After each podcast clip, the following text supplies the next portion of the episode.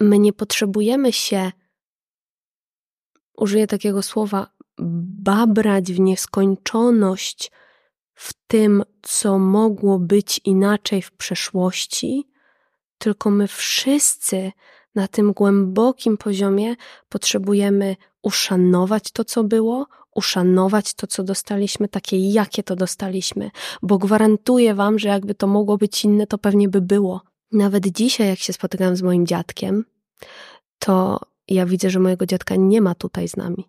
Jego nie ma. Nie ma z nim spotkania, jeżeli on nie mówi o Syberii.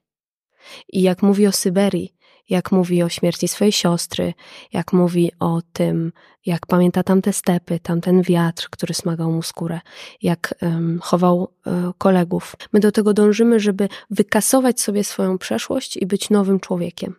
Być nowym, lekkim, świeżym, kolorowym człowiekiem, którego nie tyka jego własna przeszłość już. Każdego dnia wybieramy. W każdej sytuacji, w każdej relacji, każdego kolejnego dnia wybierasz. Wybierasz dla siebie prawdę, wybierasz dla siebie kłamstwo, wybierasz dla siebie byle jakie relacje, wybierasz dla siebie jakościowe relacje. Wybierasz autentyczność albo wybierasz samozdradę. Każdego dnia wybieramy. W związku z tym można powiedzieć, że każdego dnia kreujemy swoje życie, każdego dnia mm, jeszcze bardziej nakierowujemy swoje życie na jakąś ścieżkę. Mm, mamo, tato, ja nic nie mogłam tam zrobić, ja nic nie mogłam tam zrobić. Ja byłam i byłem po prostu dzieckiem. Waszym dzieckiem. Ja jestem mała, wy jesteście duzi. Podcast charyzmatyczny. Psychologia w codziennym życiu. Prowadzi psycholog Dawid Straszak. Dzień dobry, dobry wieczór. Moim i Państwa gościem jest Marianna Gierszewska. Cześć. Witam, cześć, dzień dobry. E, dla tych, którzy Marianny nie znają, ona jest praktykiem ustawień systemowych, e, coachem kognitywnym, autorką książki jednej, która już jest na rynku i drugiej, która będzie w e, drugiej połowie, czy w pierwszej połowie 2024 mhm. roku. Autorką platformy rozwojowej Okolice Ciała i autorką no, bardzo słuchalnego podcastu. E, także witam koleżankę podcasterkę. witam. E, zaprosiłem cię, bo chciałbym porozmawiać o, o relacjach, mhm. o innych ludziach i myślę, że masz taką zdolność do tego, żeby ujmować te relacje w taki sposób, który rzeczywiście trafia do ludzi. I to też widać po tym, w jaki sposób ludzie komentują e, Twoje odcinki, to, to, to, to co tworzysz. I chciałem zacząć od takiego mm, może trudnego pytania. To mhm. znaczy, że my chcemy być szczęśliwi w, w, relacjach, a jednak nam się to trochę nie udaje, że się o to wszystko potykamy i często w tych relacjach nawet y, krzywdzimy osoby, które no, są nam bliskie. I, I dlaczego tak jest? Myślę, że ważnym słowem w tym, co powiedziałeś, jest to słowo chcemy. My chcemy tworzyć dobre relacje. I rzeczywiście, jakby z takiego poziomu świadomego, my chcemy tworzyć dobre relacje, chcemy przeżywać dobrze życie, chcemy żyć lekko, chcemy żyć e, pięknie, tylko myślę, że takim e, głębszym pytaniem, które my wszyscy sobie potrzebujemy tutaj zadać, to jest pytanie, czy mi wolno? Biorąc pod uwagę moją przeszłość, biorąc pod uwagę także historię systemową, jeżeli chcemy patrzeć szerzej, biorąc pod uwagę to, co mną zarządza, czy mi wolno tworzyć piękne życie, dobre relacje, spokojne relacje. I tak jak ja się przyglądam ludziom, czy na warsztatach indywidualnych, czy na grupowych, to jednak to, czego my dla siebie chcemy z poziomu poznawczego, z poziomu pomysłu na siebie i na swoje życie, a to, co nam wolno z takiego głębokiego, nieuświadomionego poziomu, to są często dwie bardzo różne rzeczy. Bo na przykład, mm, jeżeli my doświadczyliśmy w dzieciństwie jakiejś rany więzi, dajmy na to, mm, doświadczyliśmy rany porzucenia czy rany odrzucenia, czy rany niesprawiedliwości, czy rany zdrady, to my dla siebie z pola nieświadomego możemy rekreować, jakby odtwarzać sobie właśnie te okoliczności w relacjach, czy partnerskich, czy w relacjach z przyjaciółmi, czyli możemy sobie odtwarzać z pola nieświadomego właśnie tą wczesną traumę, czyli okoliczności, w których jesteśmy porzucani czy odrzucani. I Teraz tak, wielu um, z nas ma takie bardzo duże zdziwienie, no ale jak to odtwarzać? Jak to odtwarzać traumę?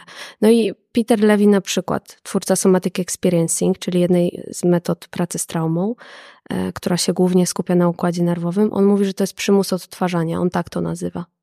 I nieważne, jak my sobie to będziemy nazywać, to jest po prostu fakt z poziomu układu limbicznego, który odpowiada za więź, za pamięć, za emocje.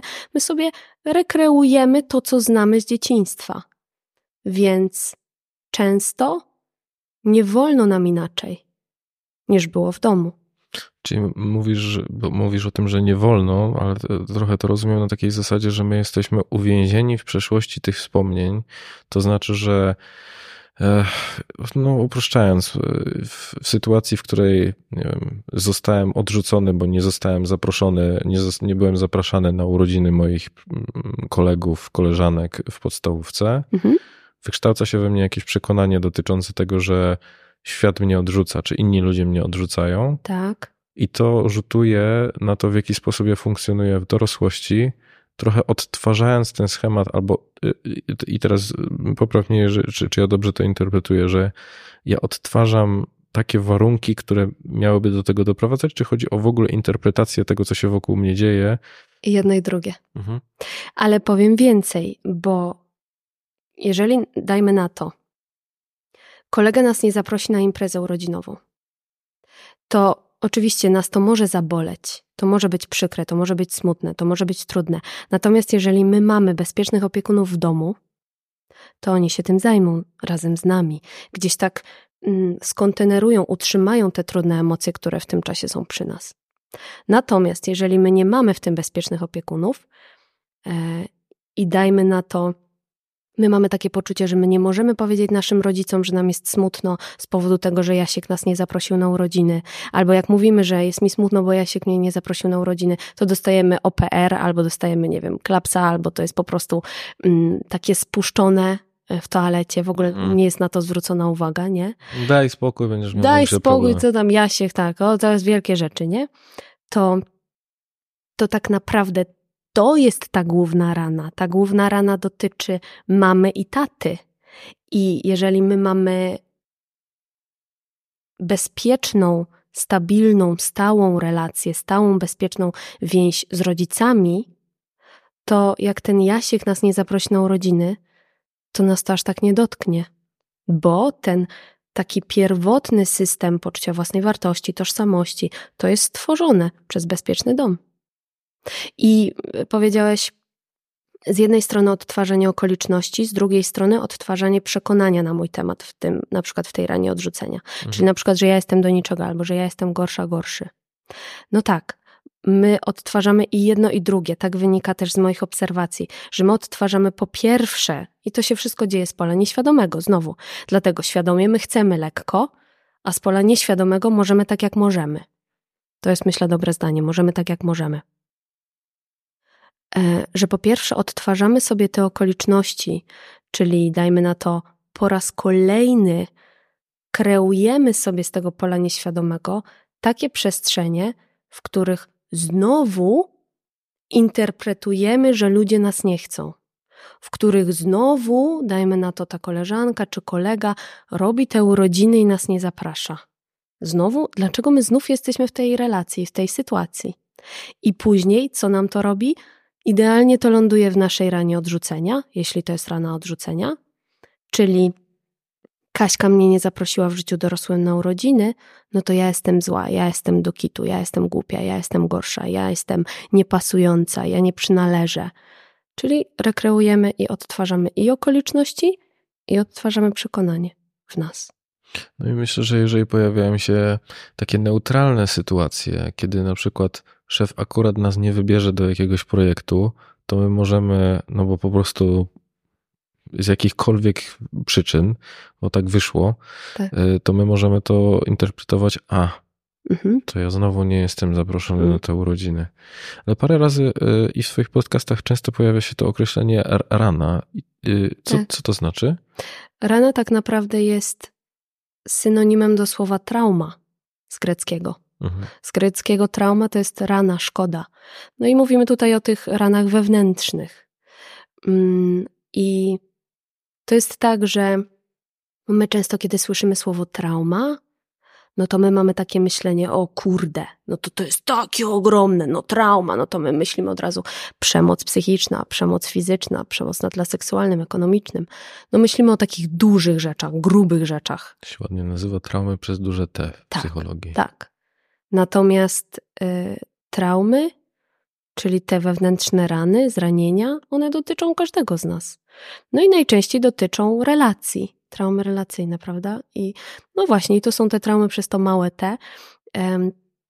Mój nauczyciel, teraz kończę szkołę, to mówiłam ci prywatnie, Gabora Mate. Mm, I on mówi, że traumą czasem nie jest tylko to, co nam się przytrafiło, ale przede wszystkim to, co to, co nam się przytrafiło, robi w nas w co powoduje, że my zaczynamy wierzyć na swój temat, na temat świata, czyli jakie przekonania w nas dane e, zdarzenie, dana sytuacja buduje, ale też na przykład on mówi, że traumą są nie tylko rzeczy, które się stały, czyli dajmy na to rozwód rodziców, dajmy na to krzycząca mama, dajmy na to depresja mamy, dajmy na to alkohol taty. Nie tylko to, co się stało, ale również to, co się nie stało, a powinno było, kiedy byliśmy dziećmi. Co, co można myśleć? Czyli na przykład powinna była być uwaga. Nie było uwagi. Mhm. Powinny były być mm, urodziny wyprawiane, dajmy na to. Nie było tego. Powinna była być. kanapki do szkoły. Kanapki do szkoły. A, kanapki do szkoły. Tak, od razu. No bo tak poszliśmy. Moje wiesz, kanapki mi się przypomniały. Poszliśmy tak, e, tak poważnie, ale myślałem, że czasami brakuje tych takich prostych rzeczy, nie? Zwłaszcza w tym postkomunistycznym świecie, w którym my wyrastaliśmy, w którym naprawdę dużo brakowało. Tak, tak. Ja pamiętam z mojego dzieciństwa, moi rodzice, którzy byli aktorami oboje, po Krakowie, po krakowskiej szkole teatralnej. No i te lata 90. dla aktorów, no to trochę chleb z cukrem, nie? Po prostu bardzo, bardzo brakowało mhm. pieniędzy w naszym domu i to nie jest tak, że My często tak to interpretujemy, że rodzice nie chcieli dać więcej. Często jest tak, że rodzice nie mogli z różnych przyczyn dać więcej. Tylko, że my też jako dzieci widzimy bardzo szeroki, e, przepraszam, bardzo wąski obraz. My nie mamy szerokiego widzenia. Szerokie widzenie jest zarezerwowane dla ludzi dorosłych. Wąskie widzenie jest zarezerwowane dla dzieci.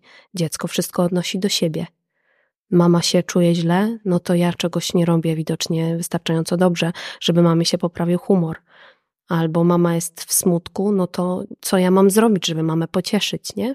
Więc dziecko wszystko odnosi do siebie i nie widzi tego, że no właśnie, nie wiem, może między rodzicami jest źle, a może oni nie mają pieniędzy, e, że, że jest o wiele więcej składowych, które w konsekwencji tak są dla nas jakimiś zranieniami, ale że że przy tej mamie i przy tym tacie było znacznie więcej niż nam się wydawało. Mhm. Zresztą tak mo mogę powiedzieć, że przy całym naszym systemie rodzinnym, przy naszych dziadkach, pradziadkach, ciotkach, wujkach jest to wiele więcej niż nam się wydaje.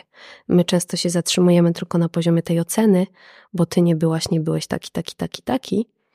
I my mamy całą listę tego, jacy powinniście byli być, rodzice drodzy na przykład, ale to, czego nie widzimy, to to, że mama też była człowiekiem, tata też był człowiekiem.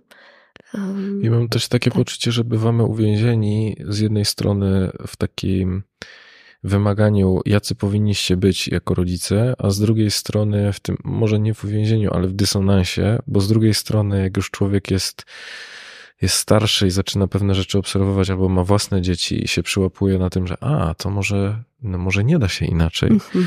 Wiesz, zresztą jest taki te, ten dowcip, nie? że y, czasami do dziecka dotrze po 40 latach. Mhm. I, i, no i z jednej strony to dowcip, a z drugiej strony mam poczucie, że dużo prawdy w tym jest. I z jednej strony my jesteśmy w tym dysonansie, to znaczy, że no ty to nazywasz raną, że ta rana w nas jest, a z drugiej strony my trochę rozumiemy.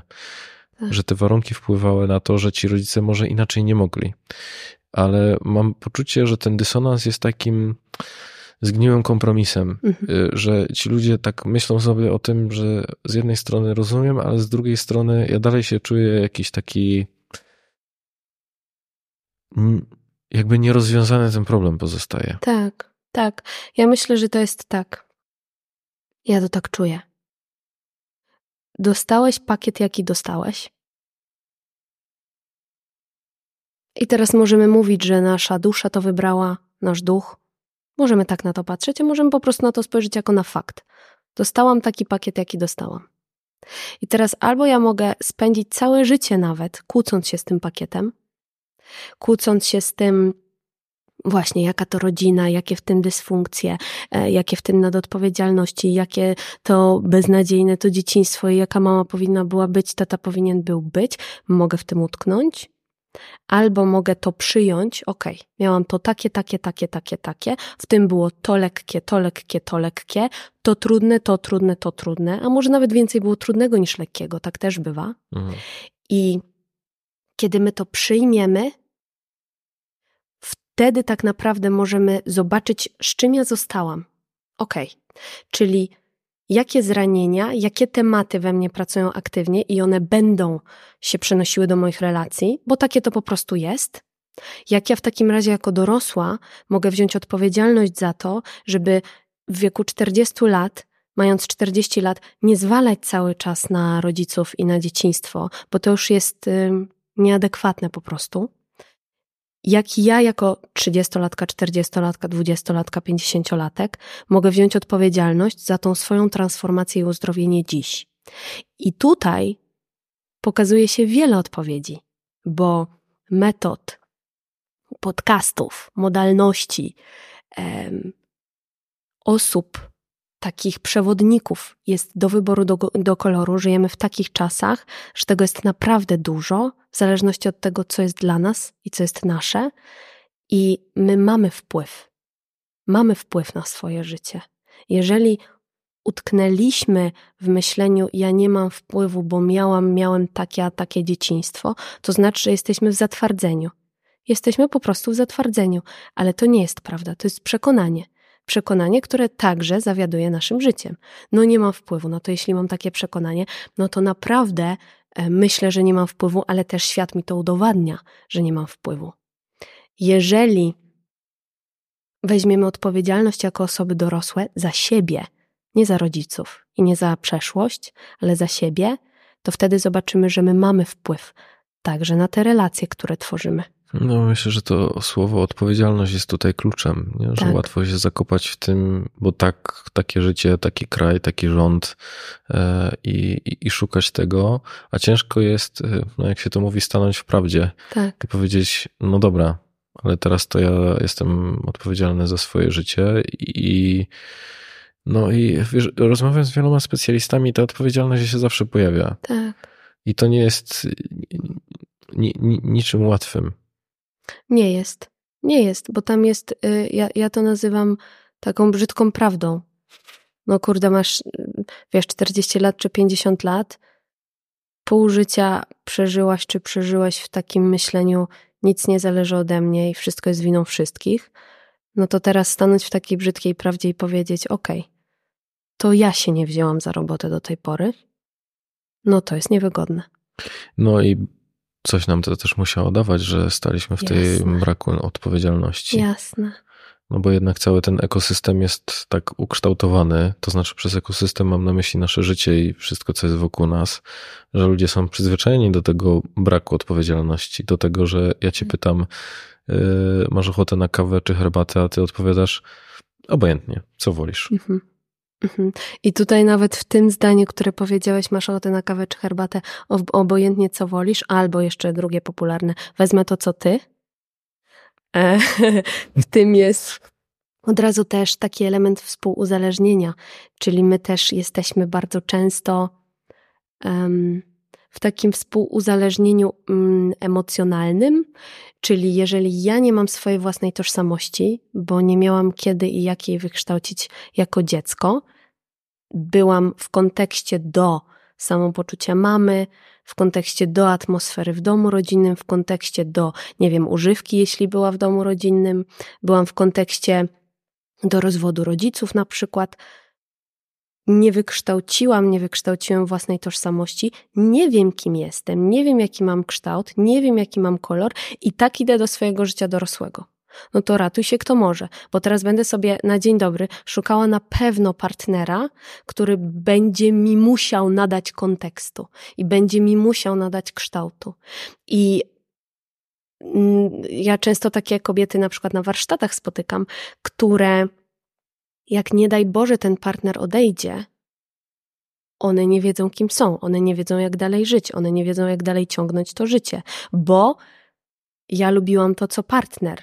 Ja się ubierałam, y, jak partner na przykład był biznesmenem, no to ja się ubierałam jako dziewczyna, żona biznesmena. Jaki ja mam styl? Ja nie wiem, jak ja mam się ubierać, kim ja jestem, co ja lubię, jaką ja lubię kuchnię.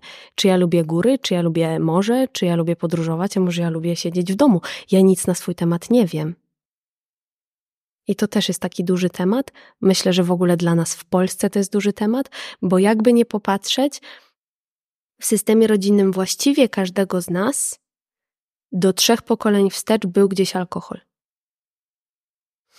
To wiesz co, Mateusz Majchrzak napisał taki bardzo fajny wpis y, na temat depresji i na temat hmm. tego, dlaczego, y, czy w, czy w innych czasach nie było depresji. Tak. Y, czy to nie jest jakby taki problem, który my sobie wymyśliliśmy i tak. potem jakbyśmy się rozejrzeli, to tak jak mówisz, że każda osoba w, zna kogoś, kto umarł z powodu alkoholu. Tak. A jeżeli spojrzymy jeszcze te pokolenia wstecz, no to to był taki chyba środek ratujący zdrowie psychiczne, bardzo, nie na pozornie. Bardzo. I jeżeli to widzimy, to możemy przyjąć, że przynajmniej jedna osoba w naszej rodzinie była osobą współzależnioną. A osoba mhm. współzależniona, czyli taka, która właściwie jest gdzieś w takich bardzo trudnych, wielu zależnościach od osoby w używce, to nie jest rodzic kompetentny dla swojego dziecka. Więc my jesteśmy bardzo często dziećmi współzależnionych rodziców albo dziećmi współzależnionych dziadków, którzy wychowywali swoje dzieci. Nasi rodzice też są często współzależnieni albo w ruchu ratownika do swoich rodziców, i my, ich dzieci, które też często musiały ratować, bo to idzie z pokolenia na pokolenie, więc tak ludzie tak. się często mnie pytają, no ale współzależnienie, no to chyba tylko dotyczy się właśnie tych rodzin alkoholowych.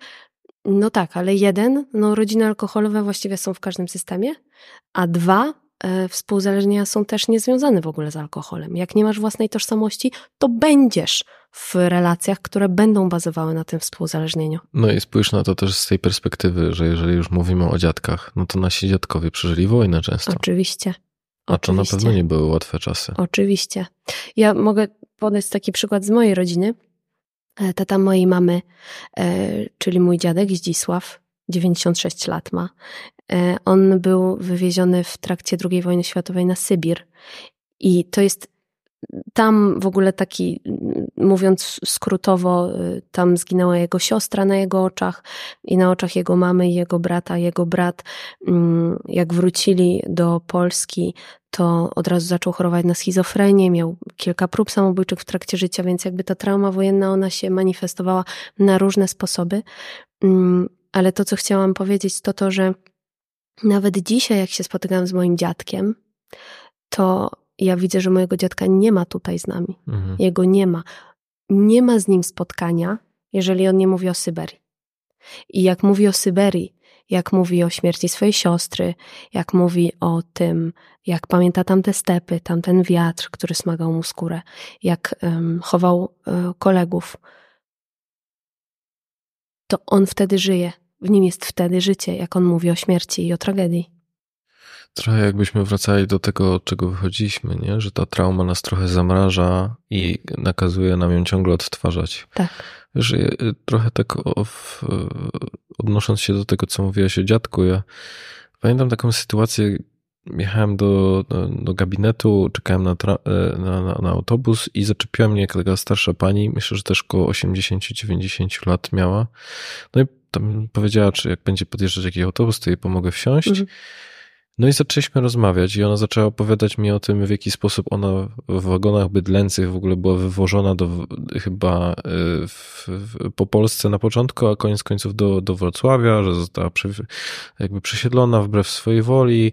No i tak zaczęła mi opowiadać tę historię, pomyślałem sobie też z takiej perspektywy, to jak ten świat ma być normalny, skoro ludzie kilka poko... Tak naprawdę, no to mogłaby być moja babcia, nie? Mhm. Y, doświadczyła czegoś takiego. Tak. I to na pewno to nie są sytuacje, w których to w ogóle nie były czasy, w których taka pomoc, wiesz, wsparcie psychologiczne były jakkolwiek mhm. dostępne i to ładnie też to opisał e, w, w Człowieku w poszukiwaniu sensu autor, że możesz pomyśleć sobie, jaką traumę ja przeżyłem, ale możesz mieć obawę, że jak się podzielisz tym z drugą osobą, to ona przeżyła coś gorszego w tamtych czasach. Tak, tak. Powiem ci, że mm, ja właśnie dzielę się takim zdaniem na evencie, który prowadzę. E, I to zdanie brzmi: czy nasi rodzice byli wychowywani przez ludzi dorosłych? Bo ja śmiem twierdzić, że nasi rodzice byli wychowywani przez głęboko straumatyzowane i zdysocjowane dzieci. I to jest to, jak ja to czytam, jak ja to też widzę, prowadząc warsztaty ustawień systemowych. Mm, nasi rodzice, nasi dziadkowie nie mieli kiedy dorosnąć. Żeby dorosnąć, my mówimy o dorosłości.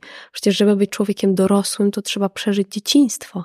Trzeba się wykształcić, trzeba przejść przez kolejne etapy tego dzieciństwa, nabyć nowej mm, wiedzy, czucia, pojemności emocjonalnej, zdobyć umiejętności samoregulacyjne. Kiedy? Kiedy w takich okolicznościach?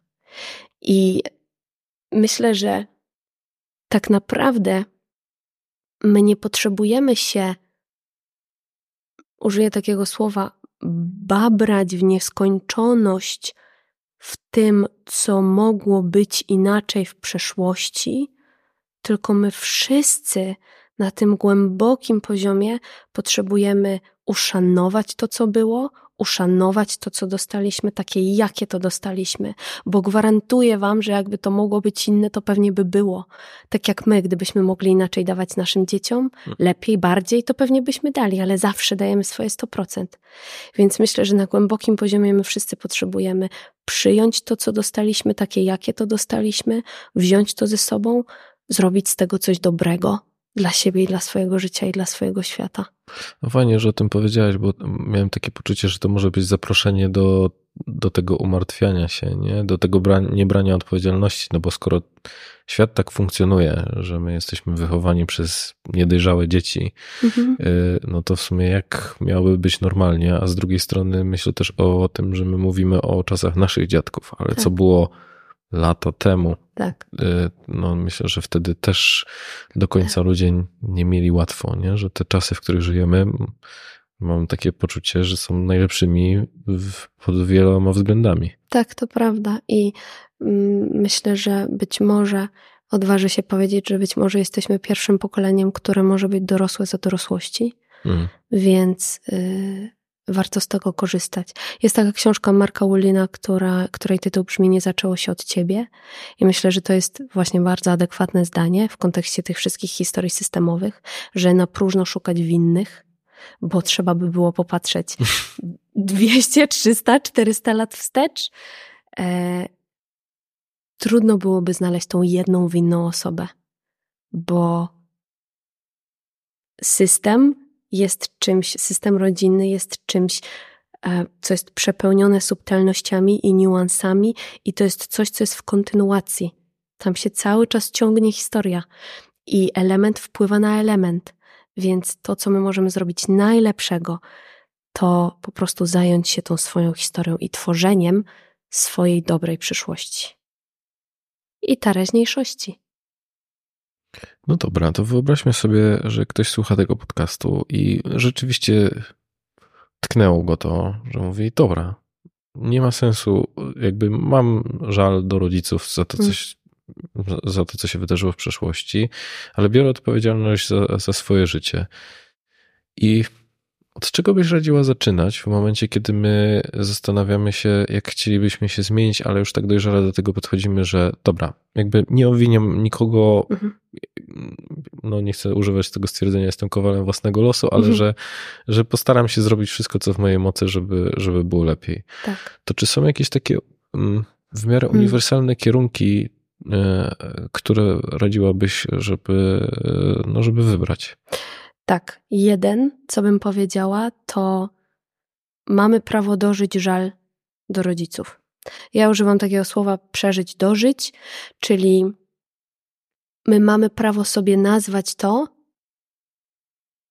Tak trochę mi się chce powiedzieć, że mamy prawo wysłuchać swoje niewysłuchane wewnętrzne dziecko, żeby nazwać. Niekoniecznie do rodziców. Ja, ja tego odradzam, bo jak my idziemy do rodziców, tonę takich historii słyszałam. Idziemy do tej mamy, idziemy do tego taty, wiadomo, odpala nam się ta emocja, nie?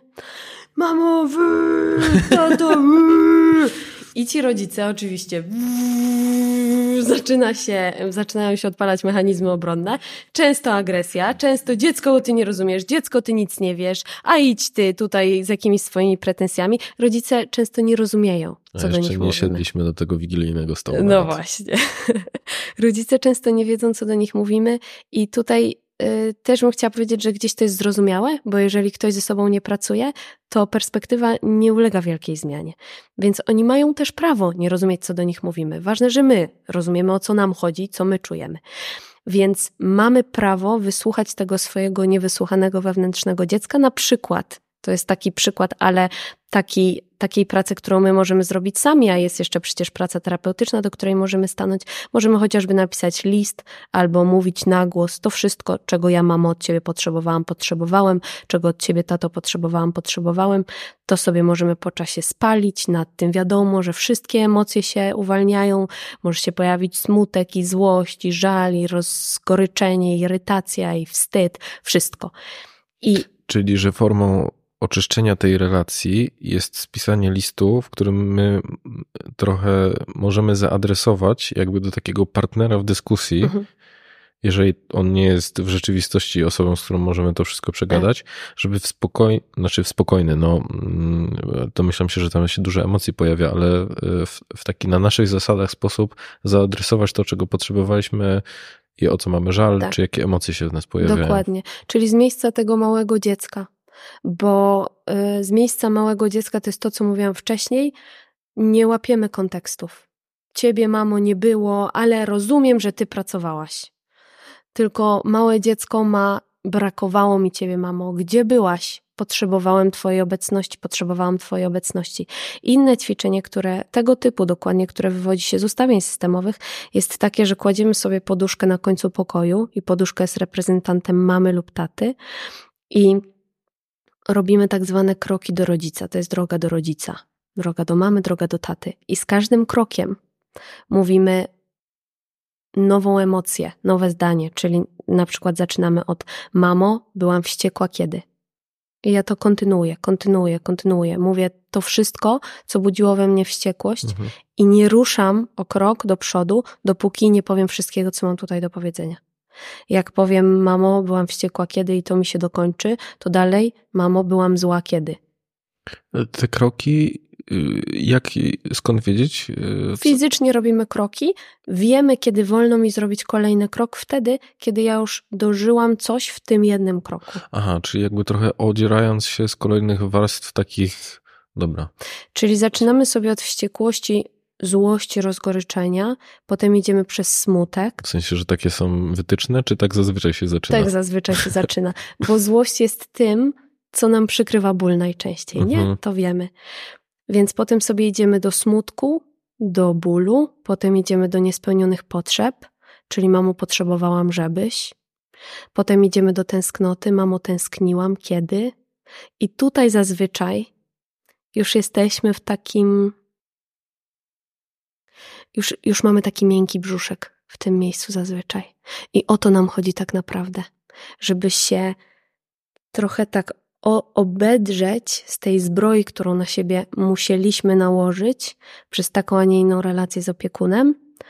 I krok po kroku obdzieramy się z tej zbroi i zostajemy właśnie w takim, w takiej żywej potrzebie, taką jaka ona była.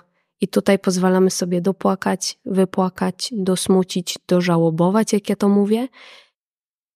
I patrzymy, co nam wolno, bo niektórzy chcą się przytulić do tej poduszki, inni chcą po prostu przy niej postać, inni potrzebują się do niej przytulić i się położyć z tą poduszką, tak się trochę w nią wtulić. E, więc to jest takie drugie ćwiczenie podobne do tej kartki, do tego listu, bo bardzo ważnym etapem w procesie zdrowienia w moim wglądzie jest ten etap, kiedy my sobie rzeczywiście pozwalamy przeżyć i dożyć ten ból. Tego, że nie było. Żeby tego nie wypierać i nie zapominać o tym, nie umniejszać, żeby dać sobie rangę w tym, że ty masz prawo powiedzieć na głos, że tego i tego nie było i masz, masz prawo to uznać. Uznać to swoje wewnętrzne małe dziecko i ten jego ból, on był ważny. I potem, jak to przeżyjemy i dożyjemy, i to też trwa. Ja robiłam wielokrotnie drogę do mamy i drogę do taty. I za każdym razem jakieś nowe warstwy mi się pokazywały, jakieś nowe wspomnienia mi się mm, przypominały. Więc jak to sobie przeżyjemy i dożyjemy, to potem warto wejść w coś, co ja nazywam samoświadomością i samopoznaniem po prostu. Czyli czy ty umiesz określić, jak wyglądało twoje dzieciństwo? Czy ty umiesz określić, jakie rany zarządzały twoim dzieciństwem? Jakie były twoje główne rany więzi? Spośród pięciu podstawowych porzucenie, odrzucenie, zdrada, niesprawiedliwość, upokorzenie. Czy ty umiesz określić, jak się rodziłaś, rodziłeś, bo to też ma wpływ. Czy byłaś odseparowana, odseparowana od y, mamy, na przykład czy byłeś wcześniakiem, byłeś w inkubatorze, to też ma wpływ. Mm. Jak wyglądała relacja między mamą a tatą? E, czy byłaś, byłeś w jakichś nadodpo nadodpowiedzialnościach dziecięcych. I jak my mamy to nazwane, to my wtedy zaczynamy inaczej percypować rzeczywistość. Mamy więcej uważności, bo wiemy, co nami lubi zarządzać. Okej, okay, jeżeli ja na przykład doświadczałam, doświadczyłam, dajmy na to, wczesnej separacji od opiekuna, czyli ja wiem, że moimi pierwotnymi przekonaniami są: jestem niewystarczająca, jestem gorsza, nie wiem, lepiej, żeby mnie tu nie było, to jeżeli my to o sobie wiemy, to my na przykład wiemy, że jeżeli my mamy pretensje do partnera, że wychodzi wieczorem i się nie, czujemy nie porzuceni, albo nie odpisuje, nie odpisuje o której będzie, albo się spóźnia 15 minut i my już. Przez 30 tak minut chodzimy, nie odpisuje i już tak, to tak, zadzwonię. To my wiemy, okej, okay, okej, okay, odezwał się kawałeczek mnie, który ma 3 latka, 4 latka, 5 latek okay, jak ja się mogę nim zaopiekować. Mhm. Bo tu, jak tu się zatrzymamy, to mamy szansę nie przeprojektować czegoś na partnera. Mamy szansę więc nie wsadzić swojej rany do partnerstwa i mamy szansę się zaopiekować tym, co się w nas pojawia, czyli to się łączy z kolejnym punktem, czyli samoregulacja. Nazywam, co czuję, nazywam, co się dzieje w moim ciele. I więc y, mocno zgadzam się z tym, co mówisz, czyli takim trochę zrozumieniem, z czego te pewne rzeczy wynikają, uświadomieniem sobie i przyłapywaniem się, że a, teraz to nie, że ja taka jestem, ja taki jestem, tylko że jakieś wydarzenia przeszłości w ten sposób mnie ukształtowały. Ja się trochę przyłapuję, łapię za tą łapkę i mówię, no, no, no, no. Tak. Co się dzieje teraz? Nie? Dokładnie tak. Bo to nie jest tak, my mam wrażenie, gdzieś społecznie do tego dążymy. Ja o tym nawet mówiłam w jednym ze swoich odcinków w swoim podcaście, że my do tego dążymy, żeby wykasować sobie swoją przeszłość i być nowym człowiekiem. Być nowym, lekkim, świeżym, kolorowym człowiekiem, którego nie tyka jego własna przeszłość już. Mhm. To nie jest tak.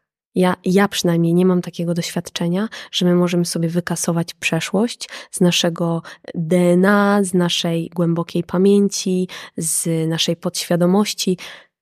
Ta przeszłość, ona będzie szeptała, ona będzie kusiła, ona będzie się pojawiała, ona będzie o sobie przypominała. Chodzi tylko o to, jakie my mamy narzędzia, już zupełnie inne, do tego, żeby sobie z tym radzić. Mhm. Bo ja mogę powiedzieć ze swojego doświadczenia, a pracuję ze sobą ponad 10 lat różnymi sposobami i bardziej alternatywnymi i mniej alternatywnymi, zaczynając od, nie wiem, EMDR-u, czy brain spottingu, przez terapie manualne, czy mm, psychodeliki. I ja cały czas mam takie momenty, raz na czas, gdzie, nie wiem, coś mi się odpali z poziomu układu nerwowego, albo odpali mi się jakieś stare przekonanie, ja jestem po wrzodziejącym zapaleniu jelita grubego, po wyłonieniu stomi, więc choroba autoimmunologiczna, bardzo dużo przekonań, e, które były we mnie e, z tytułu na przykład nie zasługuję, żeby żyć. Bardzo dużo we mnie było takich autoagresywnych przekonań, jak byłam mhm. młodą dziewczyną. I raz na czas gdzieś jakiś taki potrzept, ja to nazywam seteczką. Seteczka, która leży na stole, którą możesz wypić albo której możesz podziękować. Ale ty widzisz, że ona tu leży. Więc takie seteczki będą przy nas stać. Ja raz na czas też słyszę jakiś taki potrzebt stary. I ja patrzę na niego i. Zaproszenie? Tak, takie zaproszenie. Marianka, chodź do nas, chodź do nas. I ja już wiem, co to jest, potrafię sobie to nazwać. Coraz szybciej też rozpoznajemy, czy to jest stare, czy to jest nowe. Czy to jest e, to, co ja wypracowuję i to już jest funkcjonalne i lekkie, czy to jest cały czas ten stary wzorzec, który gdzieś tam jeszcze się dobija. I okej, okay, niech się dobija. Jeżeli potrafisz go rozpoznać, potrafisz się nim zaopiekować, a nie się też na siebie wkurzać, że znowu mi to wybija. No będzie ci to wybijało, bo to jest twoja historia i to jest historia twojej mm, rodziny i twojego systemu rodzinnego, więc to może wybijać do końca twoich dni. Ale świadomość co mi wybiło, jak się mogę tym zaopiekować. Potrafię nazwać to, co się dzieje, to, co do mnie przyszło, to, co się w związku z tym, co przyszło we mnie dzieje, ze mną dzieje. To ci daje tak naprawdę wolność w życiu. To ci daje to lekkie życie, którego każdy dla siebie chce. Świadomość jest wolnością. Myślę, że droga do tego lekkiego życia jest trochę jak z z tym dbaniem o siebie, że nam się nie chce chodzić na siłownię, a wiemy, że jeżeli chcemy umieć dbać o siebie, to, to trzeba to robić niezależnie od tego, czy nam się chce, czy nie, tak. bo zdajemy sobie sprawę, że potem będzie lepiej. Tak. To znaczy, że zaraz po tym, no może nam siłownia to jest po prostu przykład jakiegokolwiek sportu, yy, to zaraz po yy, tym sporcie będzie lepiej i długofalowo to będzie po prostu na nas lepiej wpływało. Tak. Mam prośbę. Jeżeli mój podcast w jakikolwiek sposób Ci pomógł, to chciałem Cię prosić o przysługę. Jeżeli oglądasz go na YouTubie, to będę wdzięczny za subskrypcję, komentarz lub łapkę w górę. Jeżeli słuchasz na Spotify, to za ocenę podcastu lub obserwowanie. Dla Ciebie to dosłownie chwila, a mi pomoże docierać do coraz większej grupy osób i być może trafić do kogoś, kto akurat tego materiału potrzebuje oraz prężniej rozwijać ten projekt. Z góry dziękuję. No, jak dużo jest takich zapisów transgeneracyjnych, tak. takich niewypowiedzianych, że my po prostu z pewnymi rzeczami się no, rodzimy, albo przynajmniej może nie tyle rodzimy, co po prostu jesteśmy przez rodzinę e, wbijane nam do głowy, jak, jak, jak te pewne rzeczy powinny wyglądać. Jeszcze chcę wrócić trochę do tej, tej, tej osobowości, hmm. bo mam takie poczucie, jak rozmawiam z ludźmi, e, z jednej strony z klientami, z jednej strony ze specjalistami, to że to jest znowu taki paradoks, że z jednej strony my byśmy dali dużo za to, żeby ktoś nam tam zamieszał e, w tej osobowości i, i, i pozmieniał. E, myślę, że im większe cierpienie, tym większa gotowość na te zmiany. Mhm. E, I tak jak rozma rozmawiam z, z, z ludźmi z różnych branż, to oni mówią, że im bardziej taka radykalna jest e, metoda leczenia, tym bardziej jest to związane z taką desperacją człowieka, tego jak, jak bardzo pragnie on zmiany. Tak.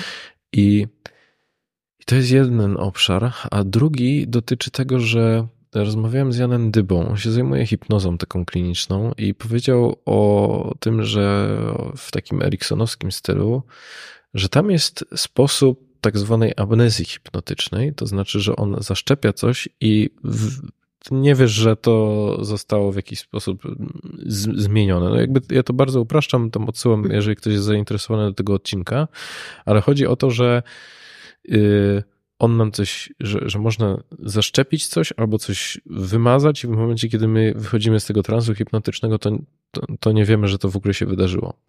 I opór ludzi który to, to, to, to wywołało po, ty, po tym odcinku, jak wiele wiadomości takich, że kurde, no w życiu bym się nie, to nie zgodził, żeby ktoś to zrobił poza moją kontrolą, też pokazuje, czy my jednak jesteśmy gotowi na tę zmianę, nie? Mhm. No bo rozumiem, że to też wiąże się z takim rodzajem zaufania, że ta osoba, wiesz, nie, nie zaszczepi mi tam, żebym jej przelewał 120 zł co tydzień, tak. e, tylko jest to związane z taką obawą, że jednak coś miałoby się zmienić nie? w mhm. tym wszystkim, trochę tak poza moją kontrolą, mhm. że my z jednej strony chcemy, a z drugiej strony też się bardzo tego obawiamy. Tak, tak. Ja myślę, że w ogóle słowo kontrola, którego tutaj używasz i poza kontrolą, myślę, że to jest dla nas to największe, najstraszniejsze. Nigdy nie byłam na hipnozie, Natomiast mogę powiedzieć ze strony terapii psychodelikami, która od razu zaznaczę, jest nielegalna w Polsce, natomiast ja nie doświadczałam jej w Polsce. E, ja akurat byłam na ayahuasce i to, co się wydarzyło w ciągu pierwszej godziny od spożycia ayahuaski, to było właśnie kompletne rozwalenie kontroli we mnie. Im bardziej, i to w ogóle mówią tamtejszy, tamtejsi szamani, mm, mówię szamani Ameryki Południowej, oni mówią, im bardziej będziesz stawiać opór, tym bardziej ayahuasca cię przeora. Mhm. Bo to jest po prostu, jak zaufasz, to ona cię poprowadzi we właściwą podróż, swoim tempem. Jak będziesz stawiać opór, to będziesz twarzą po gruzie jechał. To jak w terapii. jak w terapii, nie? I każda terapia ma swoje tempo. Mhm. I myślę, że bardzo ważnym jest, żebyśmy sobie też nazwali, jakie tempo nas interesuje. Bo są na przykład ustawienia systemowe, to jest szybkie tempo. Mhm. Bo masz reprezentantów, masz obraz, wiele warstw pracuje w jednym czasie, w tobie się wiele dzieje, potem się to w tobie układa, kiedy wychodzisz z, tego, z tej sali warsztatowej, to jest szybkie tempo. To trwa, no warsztat ustawień systemowych to jest pół godziny, 40 minut, godzina, w zależności od tego, czy grupowe, czy indywidualne. EMDR, brain spotting na przykład, to też są szybkie metody terapeutyczne, w takim sensie, że jeżeli masz gotowość, siadasz, jesteś w tym, jesteś w swoich wglądach, jesteś w tym, co do ciebie przychodzi. E, mogę podać przykład mojego męża, który, Miłosza, który nie pamiętał większości swojego dzieciństwa. Od trzeciego do dwunastego roku życia nic. Poszedł na EMDR, zaczęło mu się bardzo dużo przypominać. I on sobie to trawił o kurde, to ja byłem tam, to ja byłem z tym, to ja takie miałam doświadczenie i takie, ja nic z tego nie pamiętałem. Więc on sobie to trawił. Są też terapie, które są takimi mikrokroczkami na każdej sesji, gdzie na przykład więcej gadamy, więcej jesteśmy mm, w tym poziomie tu i teraz, e, ewentualnie grzebiemy po troszku gdzieś w przeszłości. Jeśli chodzi o terapię psychodelikami, E, no to to też jest takie tempo bez trzymanki. Mhm. I jak ja e, po e, tym moim doświadczeniu poszłam do na moją własną terapię EMDR i do mojej superwajzorki, to ona powiedziała, że wie pani, pani Mariano, ja sobie tak myślę, że ludzie, którzy nigdy wcześniej się nie kontaktowali z taką głęboką własną tożsamością, to jak oni zobaczą, że ta kontrola im się tak rozłupuje, to oni mogą być przerażeni. I rzeczywiście to jest prawda, że my musimy być gotowi. Na każdą jedną terapię, na którą idziemy, my musimy być gotowi. Bo nie brakuje ludzi, którzy chodzą od terapii do terapii na każdą dwa spotkania i mówią: mhm. Ten zły terapeuta, tu złe pomieszczenie, w tym pokoju to mi źle słońce padało na twarz, a tutaj to on gadał jakieś debilizmy, a ten to mi chciało zrobić hipnozy, to uciekłam, nie? Nie brakuje ludzi, którzy mówią, że chcą zmiany, ale robić coś konsekwentnie, stanąć do czegoś, przyjrzeć się czemuś, nazwać coś, mm, skontaktować i skonfrontować się z czymś niepopularnym i brzydkim w sobie, to nie, nie, nie, nie, nie, nie, nie. Zwłaszcza Jednak ktoś dziękuję. pokaże palcem. Tak, tak. I tak. Chociaż z drugiej strony też mam poczucie, że, że w kontekście takiej trochę wy, wy, wyboru mm, tej, tej osoby, z którą można byłoby współpracować i taki, takiego wybrzydzenia w przypadku terapeutów, to też ta relacja terapeutyczna jest na tyle ważna, że może czasami trochę, jeżeli nie robimy tego tak unikowo, żeby nie stracić kontroli, to, to, to jest dobre, do, dobry kierunek, nie? żeby poczuć, że u kogoś kliknęło, bo jeżeli mamy to robić na siłę, to będzie po prostu przepalanie czasu i pieniędzy, bo nie będziemy tak. się otwierać przed tą drugą osobą. Tak, tak, tak. Czyli do takiego stopnia, w którym, no właśnie, jesteśmy w stanie rozpoznać, czy to płynie z tego, że ja nie poczułam e, dostrojenia z daną osobą, czy to płynie z tego, że ja uciekam. Mhm. E, bo to, bo to właśnie będzie różne, nie? No chyba, że to. I myślę, że bardzo ważną rzecz powiedziałaś o tym tempie tak. procesu. Nie? Że nie dla każdego y, jakiś super konfrontujący, mhm. spo, y, konfrontująca metoda na samym początku może być odpowiednia, no bo on się po prostu przestraszy i ucieknie. Tak, dokładnie. Kazała mi się kłaść na ziemi i, i, i mówić, co czuję to w ogóle. Nie? Tak, tak. E, więc my, myślę, że to też jest ważne, żeby się oswoić i, i wiedzieć też po prostu czego się spodziewać po, po drugiej stronie. Tak, bardzo tak.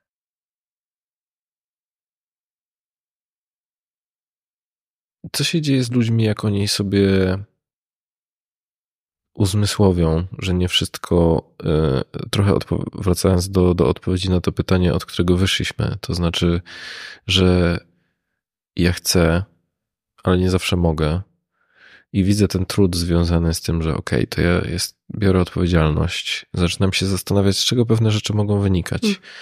I samoświadomościowo mówię, o, okej, okay, to w tym momencie to się nade mną, u mnie odpala i mówię, dobrze, to łapię się za tą, za tą rękę i nie daję się temu impulsowi ponieść i y, zaczynam zmieniać swoje zachowania, to czy to się udaje w, w, taki sposób, że już trochę o tym odpowiedziałeś, że to nie jest taka praca raz wykonana mhm. i, i, już, ale w momencie, kiedy się udaje ten, ten, ten pierwszy etap, to o co się potem ludzie rozbijają, co mhm. powoduje, że może nie wracają na linię startu tej zmiany, ale y, że, im, że muszą się cofnąć o kilka kroków. Hmm. Myślę, że o stałość. I już to rozwijam. E, kiedy my się zmieniamy, w nas się zmienia, zaczynamy opiekować się swoimi ranami, zaczynamy opiekować się swoją przeszłością, swoim dzieckiem wewnętrznym w sobie, zaczynamy opiekować się swoim ciałem, swoimi reakcjami z poziomu układu nerwowego. Zaczynamy być świadomi, szeroko mówiąc, stajemy do procesu zdrowienia i gojenia to nasze życie ma być w ruchu. My też po tym poznajemy zmiany. Tak się mówi w ustawieniach systemowych, że jak będzie ci się w życiu ruszało, nie zawsze życzeniowo, to znaczy, że jesteś w transformacji. Nie zawsze życzeniowo, czyli nie zawsze, o, jest mi jeszcze bliżej do mojego partnera, na przykład. O, jest mi jeszcze bliżej do moich przyjaciół. Nie, czasem, kurde, w ogóle jakby zaczynamy być na innych ja poziomach. W ogóle ja nie wiem, czy ja chcę tu być, w tym domu, w tej pracy, w tej rzeczywistości, jaką sobie wybudowałam i wybudowałem. Więc wielu ludzi, kiedy staje do procesu gojenia i zdrowienia, chce utrzymać ten status quo. Niech wszystko będzie tak, jak było. Ja się będę tutaj po cichutku zmieniać, mhm. ale niech ta praca, ten związek, te dzieci, te, te relacje, te przyjaźnie, e, to, to, to ile ja mam przyjaciół, to y, jakie mam podejście do, do, w tym partnerstwie, jakby niech mi się nic, błagam, nie rozwala. Czyli ta kontrola gdzieś w tym. Natomiast prawda jest taka, że kiedy my zaczynamy pracować ze sobą, to zaczynamy inaczej percypować rzeczywistość. Zmieniają nam się schematy wewnętrzne, ścieżki wewnętrzne, które wybieramy, wzorce, skrypty. E, zaczyna się zmieniać relacja z naszymi bliskimi. E, nawet jeśli nie na poziomie realnym, rzeczywistym, to na poziomie serca. Inaczej myślimy o bliskich, inaczej myślimy o naszej przeszłości, inaczej myślimy o naszym dzieciństwie, inaczej myślimy o naszych dziadkach i tak dalej. Mm, zaczynają się zmieniać przyjaźnie, relacje. Pewnym miejscom mówimy do widzenia, pewnym miejscom mówimy żegnam, a pewne miejsca witamy, pewne nowe relacje witamy. I myślę, że tutaj ludzie mają często wrzucanie ręcznego, mhm. czyli za szybko, za dużo, ja tak nie chcę, niech wszystko wróci do starych porządków. No a to jest trochę taki one-way ticket. Jak wchodzisz na pracę ze sobą, w pracę ze sobą, w proces gojenia, no to będą się te wszystkie konstrukcje, które sobie układałaś i układałeś przez wiele lat, one będą trzaskać o ziemię. Nie da się podłączyć z powrotem do Matrixa. No nie da. Nie da. Nie da się nie widzieć. Jak już się coś zobaczy, to się nie odzobaczy. Jak się już zaczyna słyszeć siebie, to już się nie odusłyszy siebie. Ja, może to nie będzie fortunny, e, fortunny przykład, ale tak od razu przyszło mi to do głowy. Ja długo pracowałem w gastronomii i mhm. często e, przy jakichś dużych eventach, dużych jakichś galach i pamiętam, że to, co mnie zaskakiwało, to taka to, że jak się zobaczy te kulisy tego, jak to wygląda z tyłu, nie będąc gościem na niej, powoduje, że to tam jest często fuszera, robione coś, wiesz, na trytytki, tak. taśmą klejącą na szybko, byle jak, e, często e, i pomyślałem, że jak się już zobaczy, jak to wygląda z tyłu, to hmm. będąc gdziekolwiek indziej traci się magię tego wydarzenia z tego względu, że widzi się w jaki sposób to, te, te takie niedoskonałości. Mam poczucie, że w momencie, kiedy trochę to, to, jest zbieżne z tym, o czym ty mówisz, że w momencie, kiedy już się jest w tym procesie, to trochę się nie da jakby cofnąć, mimo tego, żebyśmy chcieli. Tak. Tej, tak, do tej, tej takiej przyjemnej ułudy, że jednak to wszystko może nie do końca wyglądało tak, jak chciałem, ale przynajmniej było znane i może w jakiejś mhm. takiej bańce bezpieczeństwa. Tak. Co więcej, do tego, co mówisz, to będzie zmieniało się również w relacjach w takim kontekście, że na przykład, dajmy na to, mamy koleżankę, czy mamy przyjaciółkę, kolegę czy przyjaciela, który na przykład jest bardzo, bardzo niepoukładany w sercu ze swoimi rodzicami cały czas, cały świat widzi w kontekście niesprawiedliwości, w kontekście cyklicznego pytania, dlaczego ja, dlaczego mi, świat mi tak źle, świat mi niesprawiedliwie. I takiego mamy kolegę, koleżankę. No a my już tak nie, nie mamy już takiego oglądu rzeczywistości. My wiemy na przykład już z tego poziomu transformacji i uzdrowienia, że jeżeli na przykład ja się wkleiłam w jakieś niefortunne okoliczności, czy w jakąś trudną relację, to to jest jeszcze jakiś nieprzypadkowy kawałeczek dla mnie do obejrzenia, mm, do zapracowania z nim, bo jeżeli na przykład, nie wiem, ja się mm, zatrudniłam do pracy, w której szef mobbinguje, to ja już nie będę w kółko powtarzała zdań, dlaczego znowu taka do dupy pracy, dlaczego znowu ten szef i dlaczego akurat i dlaczego mi, tylko ja się zapytam, dlaczego, jaka część mnie potrzebowała takich okoliczności, jaka część mnie trafiła akurat na takie biuro i takiego szefa, żeby o czym mi przypomnieć, tak? Czyli w nas już nie ma tej rany niesprawiedliwości, która cały czas wrzeszczy i tej, tych pretensji, nie? No i jak wzięliśmy odpowiedzialność, to jeszcze mówimy, to co ty tutaj jeszcze robisz? Tak. I co mogę zrobić dokładnie z tym, że tutaj jestem? Jaka jest w tym moja sprawczość? I w tym już nam się może w tej relacji w ogóle nie móc y, układać, bo idziemy na tą kawę z tą koleżanką. I ta koleżanka mówi: No nie uwierzysz, moja stara znowu do mnie zadzwoniła i powiedziała do mnie: Wiesz, jakim tonem do mnie powiedziała? A ty, który jesteś w kompletnie innym miejscu, jesteś w takim miejscu widzenia, szanowania, miłości, rozumienia, no to ty już, ty już nie wejdziesz w ten ton. O kur, twoja stara, no rzeczywiście. Jezu, bo twoja stara to zawsze taka jest, nie? Ja pamiętam. Przepraszam, tak to zagrałeś, że ja to czuję po prostu, jakbyśmy rozmawiali. No po prostu to takie jest, nie? Że ty już masz takie, no ja już ci w tym nie pomogę, no. Mhm. Wiesz, myślę, że ja też tak patrzę z, ze swojej perspektywy jako psychologa, że praca w gabinecie mi też bardzo dużo zmieniła w perspektywie postrzegania innych ludzi i często, kiedy już pracuje się z, z wieloma osobami, to zaczyna się wyłapywać pewne schematy. Mhm. I trochę to, o czym mówisz, y, ja też obserwuję u siebie, że e, że czasami mam takie poczucie w momencie, kiedy obserwuję sobie pewnych ludzi, to zaczynam się zastanawiać właśnie, co, co tam leży pod spodem z tego wszystkiego i w jakiś sposób przyporządkowywać do tego, co oglądałem w gabinecie e, psychologicznym. Nie? Czyli tak. znowu trochę wracamy do tego nie od zobaczenia, że z jednej strony My chcemy się zmieniać i rozwijać, ale chyba też y, myślę, że w tym, o czym ty mówisz, wybrzmiewa takie trochę ostrzeżenie, że to może nie być łatwe mhm. i może nowa perspektywa zmienić bardzo dużo w percepcji tego, co jest wokół ciebie.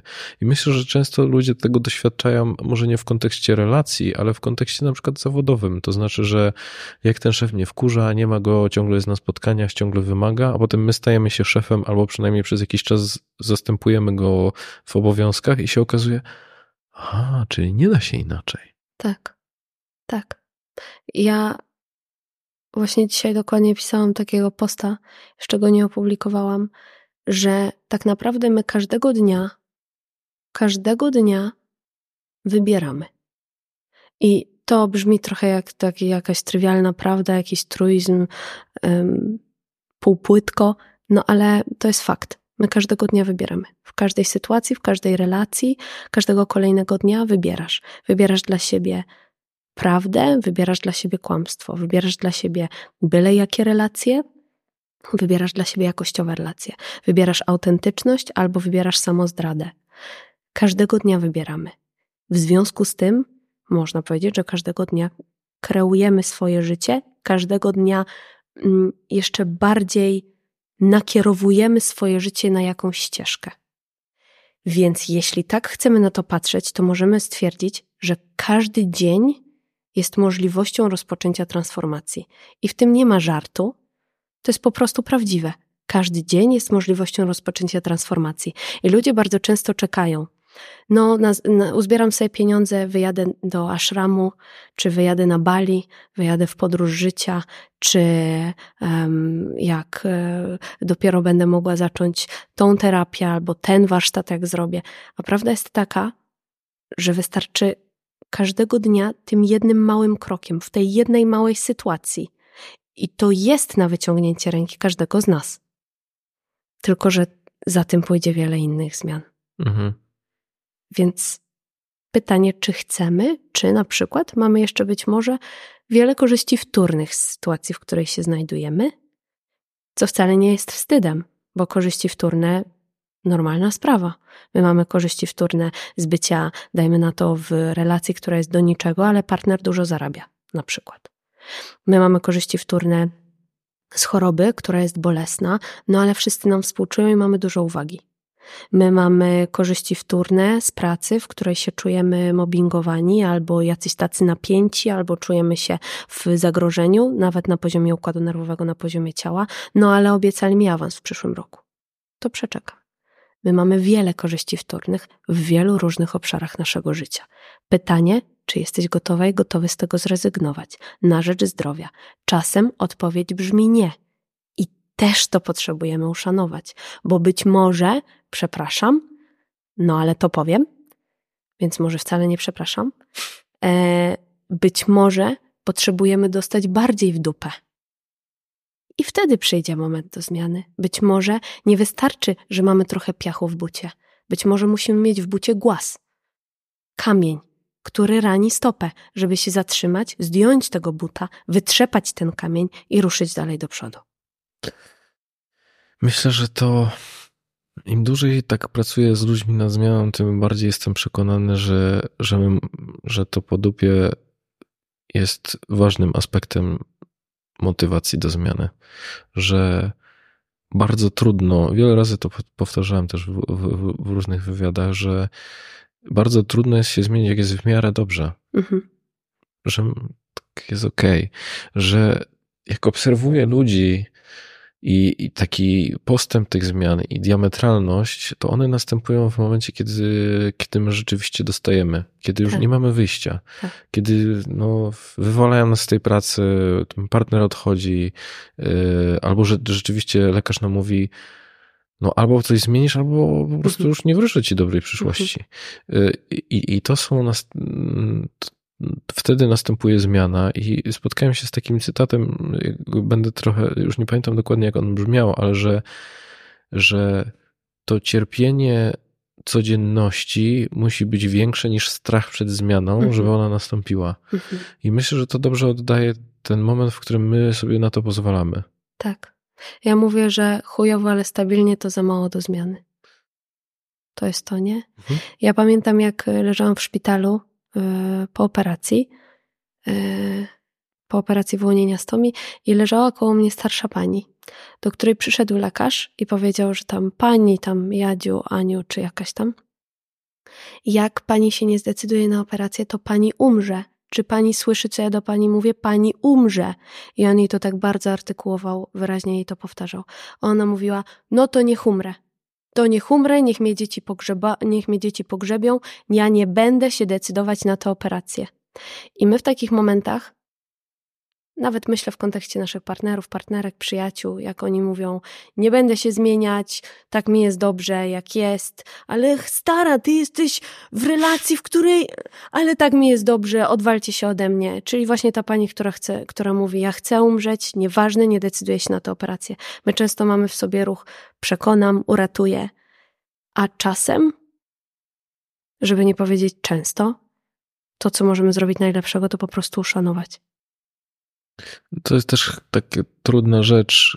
Myślę, że to już taki drastyczny przykład był z tą, z, tą panią obok ciebie, ale z, myślę, że to jest też trudne obserwować i dać ludziom spieprzyć swoje życie. Tak. I czasami nie jesteśmy nic w stanie zrobić. Często nawet bym powiedziała, że nic nie jesteśmy w stanie zrobić, bo jeżeli my kogoś defibrylatorem e, na moment ockniemy, czyli nie wiem, załatwimy mu tą pracę, czy um, siłą wyciągniemy z tej toksycznej relacji.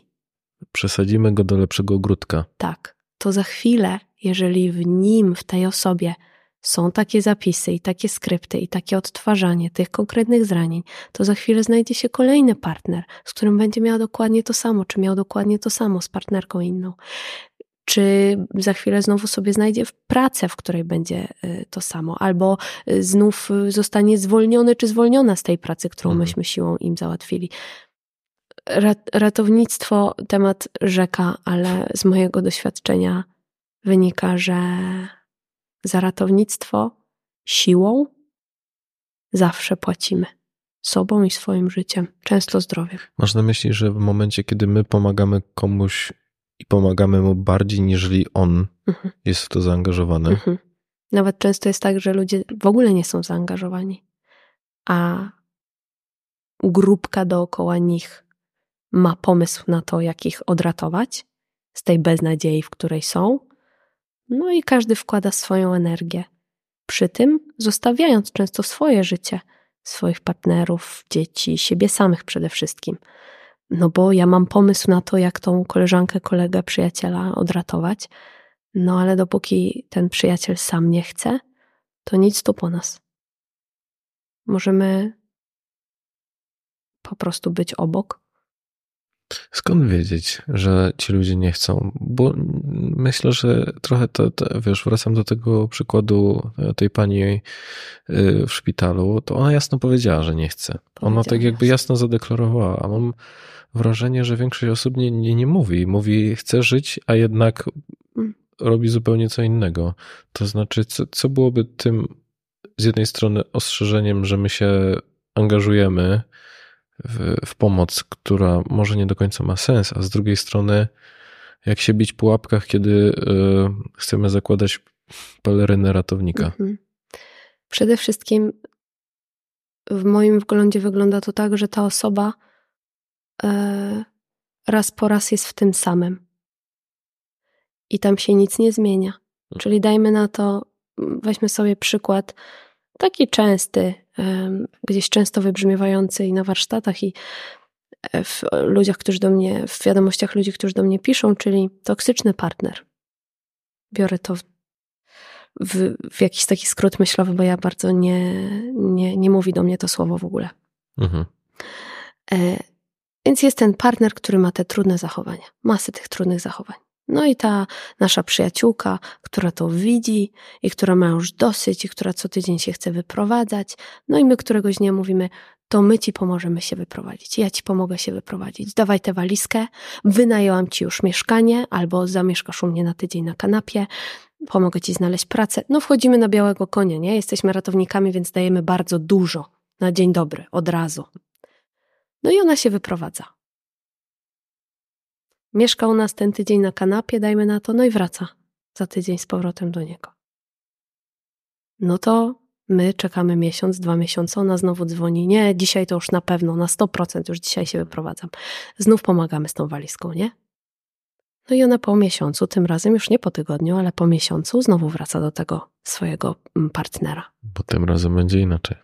Bo tym razem będzie inaczej. No i pytanie, ile my razy będziemy angażować całych siebie na przykład w takich sytuacjach. Ile razy będziemy wychodzić przed szereg, proponując na przykład spanie u nas na kanapie, kiedy nawet nie wybrzmiała taka potrzeba od drugiej strony.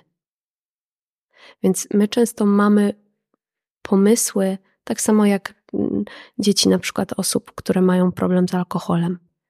No ja już tacie piątą terapię załatwiam, a on na żadną nie chodzi. No nie chodzi, jest dorosłym człowiekiem, decyduje nie chodzić. No to to jest to jest jego sprawczość. To jest jego opcja, którą on wybiera, nie chodzić. I teraz, co się często okazuje, tak jak przynajmniej mówią o tym ustawienia systemowe, i ja tego widziałam w swoim życiu wiele, że kiedy my przestajemy ratować, a jesteśmy na miarę w relacji, czyli ja na przykład jestem jako przyjaciółka dla tej mojej przyjaciółki, która ma ten trudny związek. Na, na miarę, czyli. Na miarę, czyli ani jej nie zastąpię w tym mamy, ani jej nie zastąpię w tym taty, ani nie będę ratownikiem. Czyli taki dojrzały sposób. Dojrzały sposób. Czyli też patrzę, na ile mi wolno przy niej być. Bo jeżeli widzę, że ona jest w tym, w czym jest, i dajmy na to, tam ma swoje współzależnienie, z którego nie chce na ten moment wyjść, to na ile mi też wolno być blisko niej, żeby mnie to bagno, które tam jest, nie wciągało. I to już jest z kolei moja sprawczość, moja decyzyjność. Co mi tu wolno, żebym ja się czuła bezpiecznie. Um, więc wolno mi stawać do tej relacji na miarę, wrócę do tej myśli, wolno mi stawać do tej relacji na miarę. I kiedy ja staję do tej relacji na miarę, to bardzo często dzieje się tak, że ta druga strona, czyli czy to jest ta przyjaciółka w tym trudnym związku, czy ten pijący tata, czy mama, ta druga strona odzyskuje swoją godność, sprawczość. Bardzo często w tych sytuacjach ludziom spadają klapki z oczu, okulary z oczu i oni, można powiedzieć, podnoszą się trochę jak Feniks z popiołów, odradzają się, podnoszą się jak z ziemi i mówią: Stop, teraz ja, ale ja wiem, że to płynie z mojej odpowiedzialności i mojej własnej sprawczości. I nie ma niczego, niczego dającego nam więcej mocy niż działanie z poziomu własnej sprawczości. To jest, aż mnie prostuje, jak o tym mówię, to jest, to ma tyle mocy, nikt ci tego nie zabierze, jeżeli to była Twoja sprawczość. No i to nas uczy, że w kolejnej podobnej sytuacji ja sobie poradzę, bo w tej też sobie dałem radę. Tak. I ja lubię też takie pytanie zadawać w gabinecie, jeżeli wchodzimy w jakąś rolę, e, na przykład tego ratownika w przypadku tej, tego toksycznego partnera i pomocy w wyprowadzce, to czego uczą tą drugą osobę Twoje działania? Mhm. Bardzo tak. Nie? Czyli. Bardzo tak. Co ona sobie może myśleć, e, albo do czego ją przyzwyczajasz? Mhm. E, I w takiej sytuacji można powiedzieć, że no, zawsze będziesz tą taką drugą opcją, nie? która tak. będzie pomocna. Tak. I potem ludzie, to często w partnerstwie się pokazuje, ludzie się zgadzają na coś 10 lat, 11 roku zaczynają na przykład ze sobą pracować, albo zaczynają, nie wiem, klarownie się wyrażać, komunikować się, stawiać granice. No i nagle jest, no jak on mi może, jak on mnie może tak traktować, czy jak ona mnie może tak traktować? No tak, no ale jakie zasady funkcjonowały z sukcesem 10 lat w waszej relacji. Więc teraz też odwrócić cały ten proces czasem się w ogóle nie da, mhm. bo było tak wygodnie i tej drugiej stronie jest już tak wygodnie, że już się nie da. Nie na to się umawiali. Nie na to się, albo stare porządki, albo do widzenia. Więc czasem się nie da odwrócić tych procesów, ale czasem się da, tylko że wtedy też potrzeba czasu Potrzeba po prostu zbudować całe nowe fundamenty komunikacji i porozumienia, bo do tej pory tak to funkcjonowało, na przykład, że ty się zajmowałaś całym domem i dziećmi, albo do tej pory to tak funkcjonowało, że e, jak się ze sobą kłóciliście, to mieliście pięć dni ciszy między sobą. No do tej pory tak to funkcjonowało. Jeśli ma to inaczej zacząć funkcjonować, no to do tego też potrzeba czasu i też myślę sobie takiej e, jasnej komunikacji w tym, co się co się naprawdę teraz będzie realnie zmieniało, bo co się pozmieniało we mnie i jak też ty, mój partnerze czy moja partnerko, się na to zapatrujesz. No tak, bo w momencie, kiedy się zmieniamy, to przestajemy być na tym samym poziomie. Tak. E, mm, to znaczy, że ta osoba, która się rozwija, to może zaczynać widzieć więcej, a w momencie, kiedy ta druga jeszcze do tego nie dotarła, to może po prostu tego nie rozumieć. Tak. I bo często, nie, nawet nie często, bo zawsze jest tak, że my się łapiemy z ludźmi na naszym poziomie wzorców, na naszym poziomie rozumienia rzeczywistości, odbierania rzeczywistości. Wszystkie nasze koleżeństwa, przyjaźnie, partnerstwa tak samo. My jesteśmy na jednym poziomie mindsetu, w skrócie mówiąc. Więc jak się u nas zmienia, a u drugiej strony się nie zmienia, to nie mówiąc, kto tu jest lepszy, kto tu jest gorszy, po prostu to jest inne u jednego i u drugiego, no ale ciężko się będzie dogadać. No bo spójrz też, że jakby cały ten system na przykład e, edukacji jest zaprojektowany tak, że my powiedzmy do tego 24 roku życia, jeżeli ktoś się decyduje na studia, no to jesteśmy w miarę na tym samym etapie rozwoju. Mhm. To znaczy, że niektórzy może tam pracują na weekendy, niektórzy się decydują na studia zaoczne, ale w, w miarę mamy podobne doświadczenia. A potem zaczynamy to dorosłe życie, no i tam już nie ma zasad. Tak. Tam już cię nikt nie przypilnuje, żebyś przeczytał książkę albo spróbował w jakikolwiek sposób się rozwinąć. To ciebie zależy, czy ty w pracy będziesz awansować, czy nie, y, czy, czy w ogóle wybierasz taką pracę, w której to jest, czy w ogóle pracujesz. To jest bardzo dużo rzeczy, które, no, które nie są już jakby tak stymulowane zewnętrznie mhm. i bardzo dużo od nas zależy. Mhm. No i teraz dochodzimy do tego momentu, że łapiemy się często w, w tych sytuacjach, kiedy no, była jakaś taka presja rozwoju, a potem jedna osoba wewnętrznie chce coś zmieniać, a druga nie. No i pytanie, czy my, czy my dalej to jesteśmy na tych samych falach nada, tak. nadający. Tak, ale w ogóle też a propos tego pierwszego zdania, które powiedziałeś, czyli że gdzieś tam do 24 roku życia jesteśmy na podobnych poziomach, jest edukacja, jest szkoła, jest wszystko to, czego wiadomo, że system od nas wymaga do tego czasu. No a później, no to ty sam bierzesz odpowiedzialność za swoje życie i to, w jaką stronę skręcisz.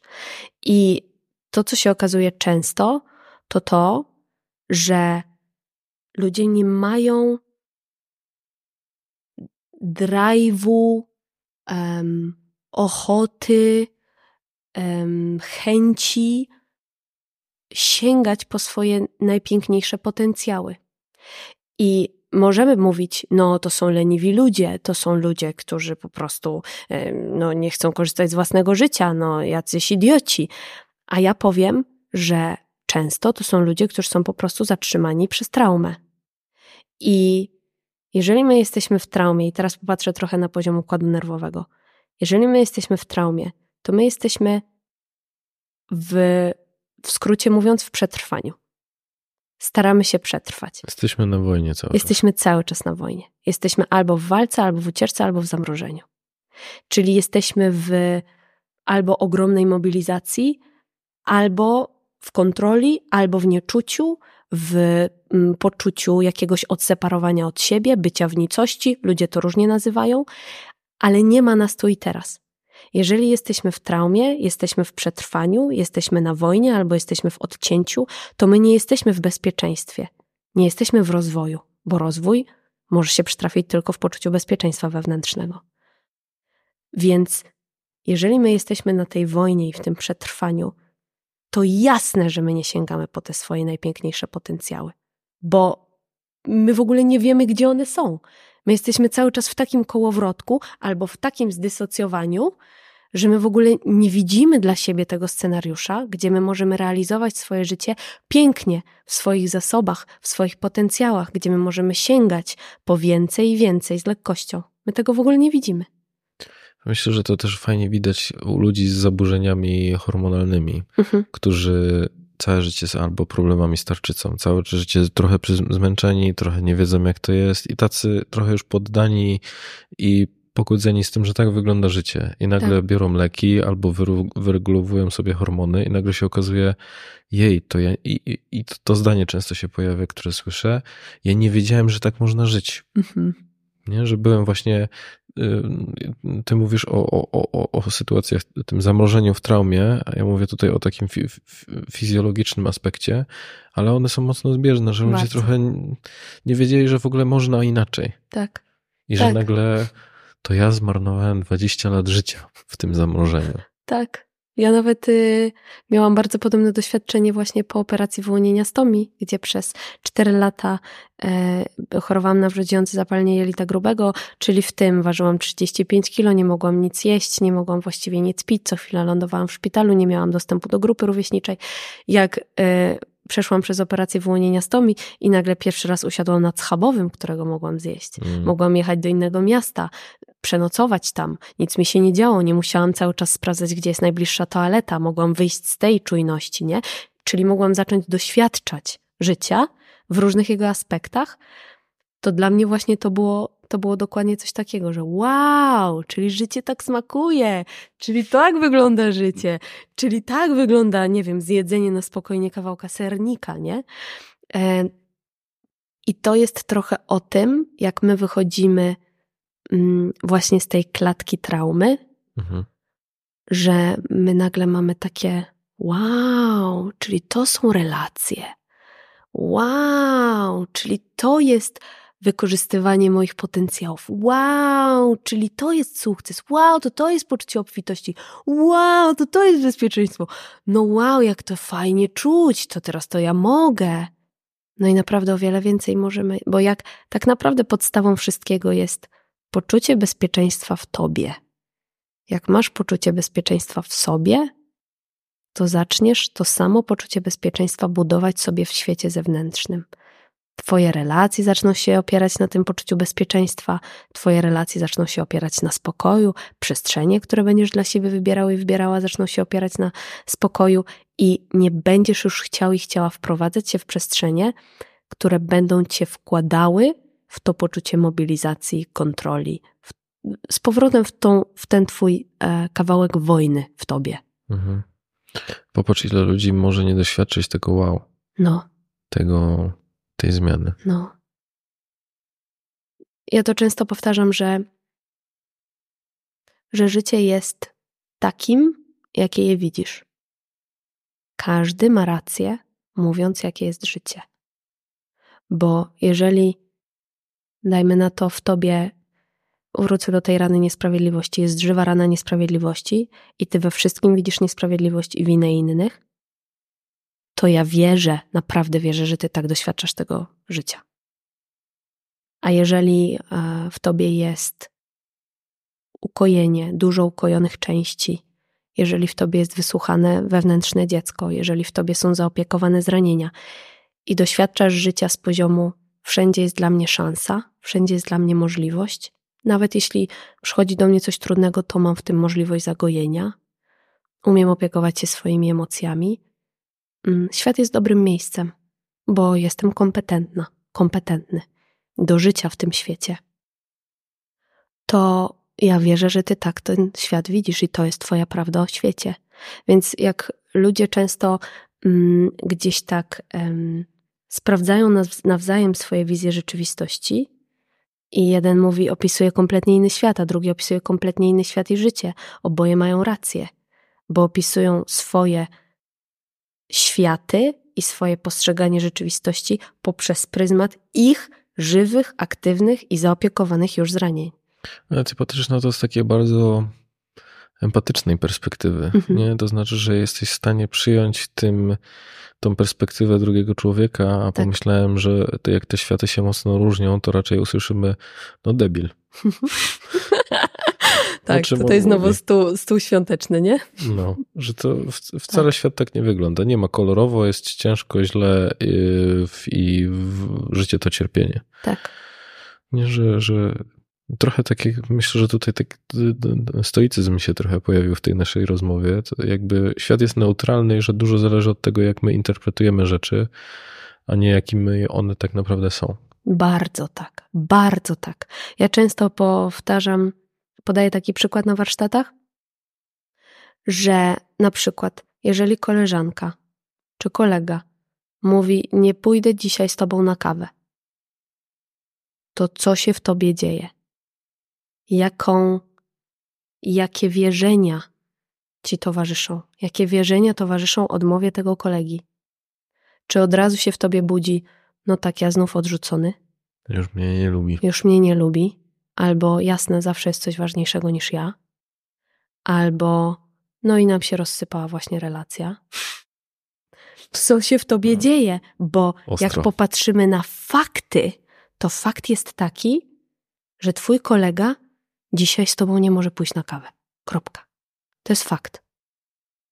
A to, co ty do tego przypiszesz, to już jest o tobie. To jest taki duży temat, nie? To jest też takie mocno uwalniające, a z drugiej strony my, myślę, że też e, brakuje czasami takiej otwartości i szczerości w tej komunikacji. Nie? To mhm. znaczy, że zostajemy z takimi półprawdami, to znaczy, że nie wiemy, z czego wynika ten brak kawy. Mhm i pozostajemy z domysłami, a często no, mamy tą tendencję, tak jak powiedziałeś, do, do myślenia się w taki zakrzywiony yy, sposób. Tak. I Ogromną zmianą w moim podejściu było to, jak pracowałem w takiej firmie szkoleniowej o wdzięcznej nazwie Zero Bullshit Management. I ona nas trochę uwalniała z tego, że my mogliśmy mówić mocno. Trochę ludzie tego oczekiwali, żebyśmy byli odrobinę bardziej szczerzy niż inni. Mhm. I, y, I nie chodzi o takie, wiesz, konfrontowanie, być po prostu jakimś takim zarozumiałym w tym wszystkim, tylko mówieniem tak naprawdę o co chodzi i, do, i, i, i co było kluczowe. Dogadywanie najmniejszych szczegółów, na przykład kto płaci za lunch w trakcie e, dnia szkoleniowego. Podoba mi się. I wiesz, co było najciekawsze? że to było tak uwalniające, kiedy czasami tłumaczyło się takimi wielkimi literami łopatologicznie wszystkie drobnostki. I z jednej strony moje podejście biznesowe się tak ogromnie zmieniło w momencie, kiedy, kiedy ja się czegoś takiego nauczyłem, takiej dokładności, wyjaśnienia bardzo konkretnych szczegółów, ale też życie prywatne. To znaczy, że tak. jeżeli przeniosłem to na taki obszar związany z tym, żeby do, dogadywać się e, kiedy, jak, co zmieniamy, z której godziny na co i czasami nawet takie jednozdaniowe e, potwierdzenie, że ok, to my nie jedziemy na tę kawę, ale tylko i wyłącznie z tego względu, że ja, że wiesz, tam córka choruje i, i musimy to po, prostu przenieść, albo trochę po, podawanie tła pewnych wypowiedzi czy pewnych decyzji, z czego to wynika.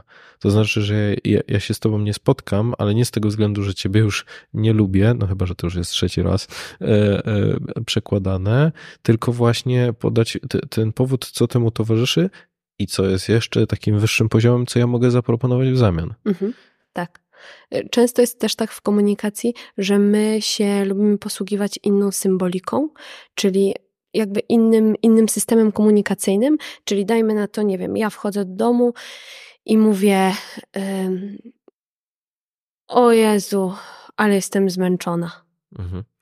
I na przykład dla mnie, jak ja wchodzę do domu i mówię, o Jezu, ale jestem zmęczona, dla mnie to znaczy, że ja potrzebuję na przykład teraz zjeść i iść do ciepłej wanny.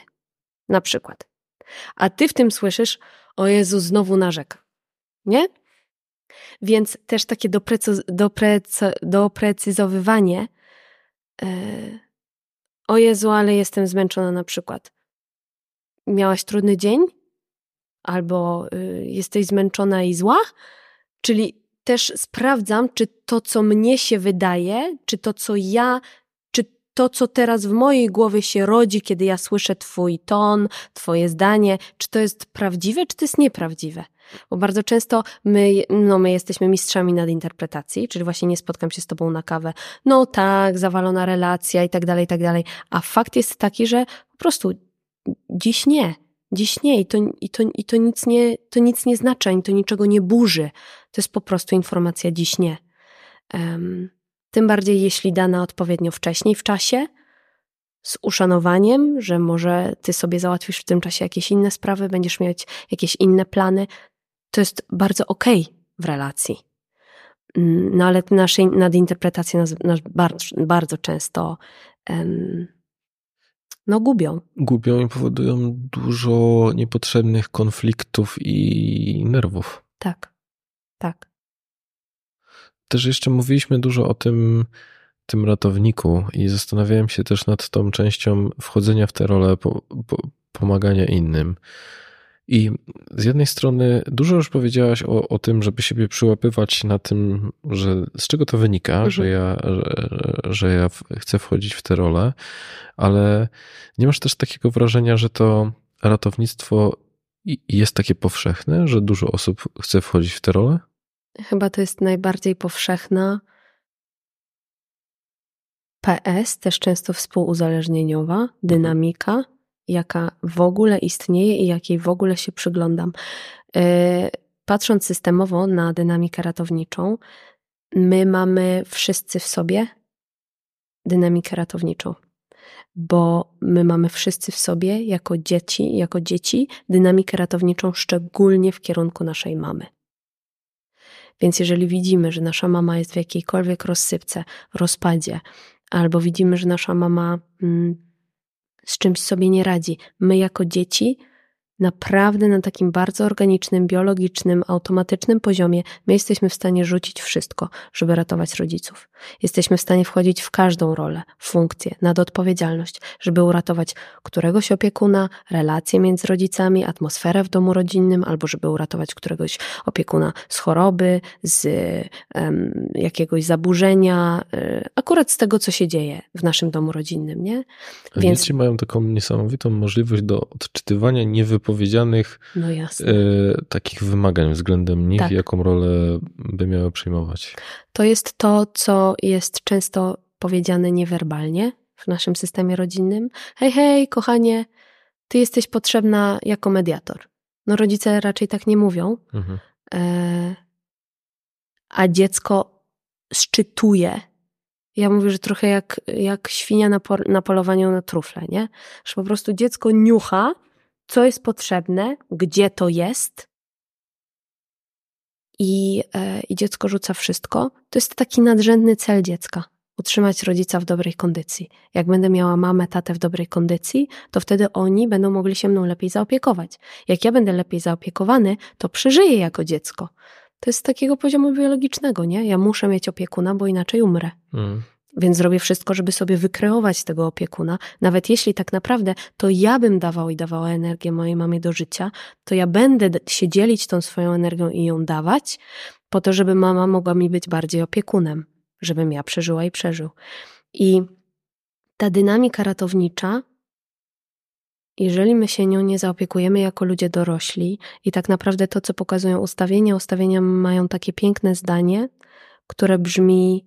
Mm, Mamo, tato, ja nic nie mogłam tam zrobić, ja nic nie mogłam tam zrobić. Ja byłam i byłem po prostu dzieckiem. Waszym dzieckiem. Ja jestem mała, wy jesteście duzi. I jak my się z tego zwalniamy, z uratowania naszej mamy z przeszłości, z uratowania naszego taty z przeszłości, to my wtedy możemy przestać wreszcie ratować ludzi dookoła nas. Bo tak i tutaj już nawet nie mówiąc, jak wielkim piętnem jest to odciśnięte przy domach, gdzie jest używka, gdzie jest depresja któregoś z rodziców, gdzie jest zaburzenie któregoś z rodziców, gdzie jest rozwód, gdzie jest rozłam, gdzie um, są myśli samobójcze któregoś z rodziców. Przy tych domach ten ruch ratowniczy jest taki, po prostu na 110%. Um, więc jeżeli my żyjemy cały czas w tym w tej próbie, takiej nieświadomej próbie uratowania mamy z przeszłości, uratowania taty z przeszłości, to my będziemy potem ten sam ruch, który mieliśmy do mamy i do taty, odtwarzać po prostu w innych relacjach. I ba, znów będziemy sobie kreować okoliczności, w której będziemy mogli ratować, bo to znamy. Jak ratuję, to czuję, że mam pod kontrolą. Jak ratuję, to się czuję bezpiecznie. Jak ratuję, to czuje się bardziej widziana i widziany, bardziej doceniana, doceniany, a nawet może czuje się kochana i kochany. Bo kiedy, dajmy na to, moja mama była w depresji, a ja ją potrafiłam z tego wyciągnąć, albo potrafiłam ją z tego wyciągnąć, przynajmniej na chwilę, to ona wtedy mówiła: No, mój dzielny chłopiec, albo moja cudowna córeczka, widzisz, jak ty potrafisz mamusię pocieszyć. Więc miałam miłość wtedy, czy miałem miłość wtedy. Dokładnie tego samego będę szukać w relacjach z poziomu dorosłości. Nie, a my zbieramy te punkty za to, za co jesteśmy nagradzani. Czyli tak. jeżeli no, usłyszymy coś takiego, no to naturalnym jest, że zaczynamy wchodzić w te role. Tak. Bo tutaj jest bardzo, bardzo głęboko, na głębokich poziomach też układu nerwowego, zapisane przekonanie, kiedy ratuję, jestem kochana. Kiedy ratuję, jak mówisz, zdobywam punkty. Moja wartość opiera się na tym, ilu, ilu pomogę. No i wchodzę w dorosłość I z tym przekonaniem, więc zaczynam też ratować innych. Tak. Bo to znaczy być kochanym. Tak.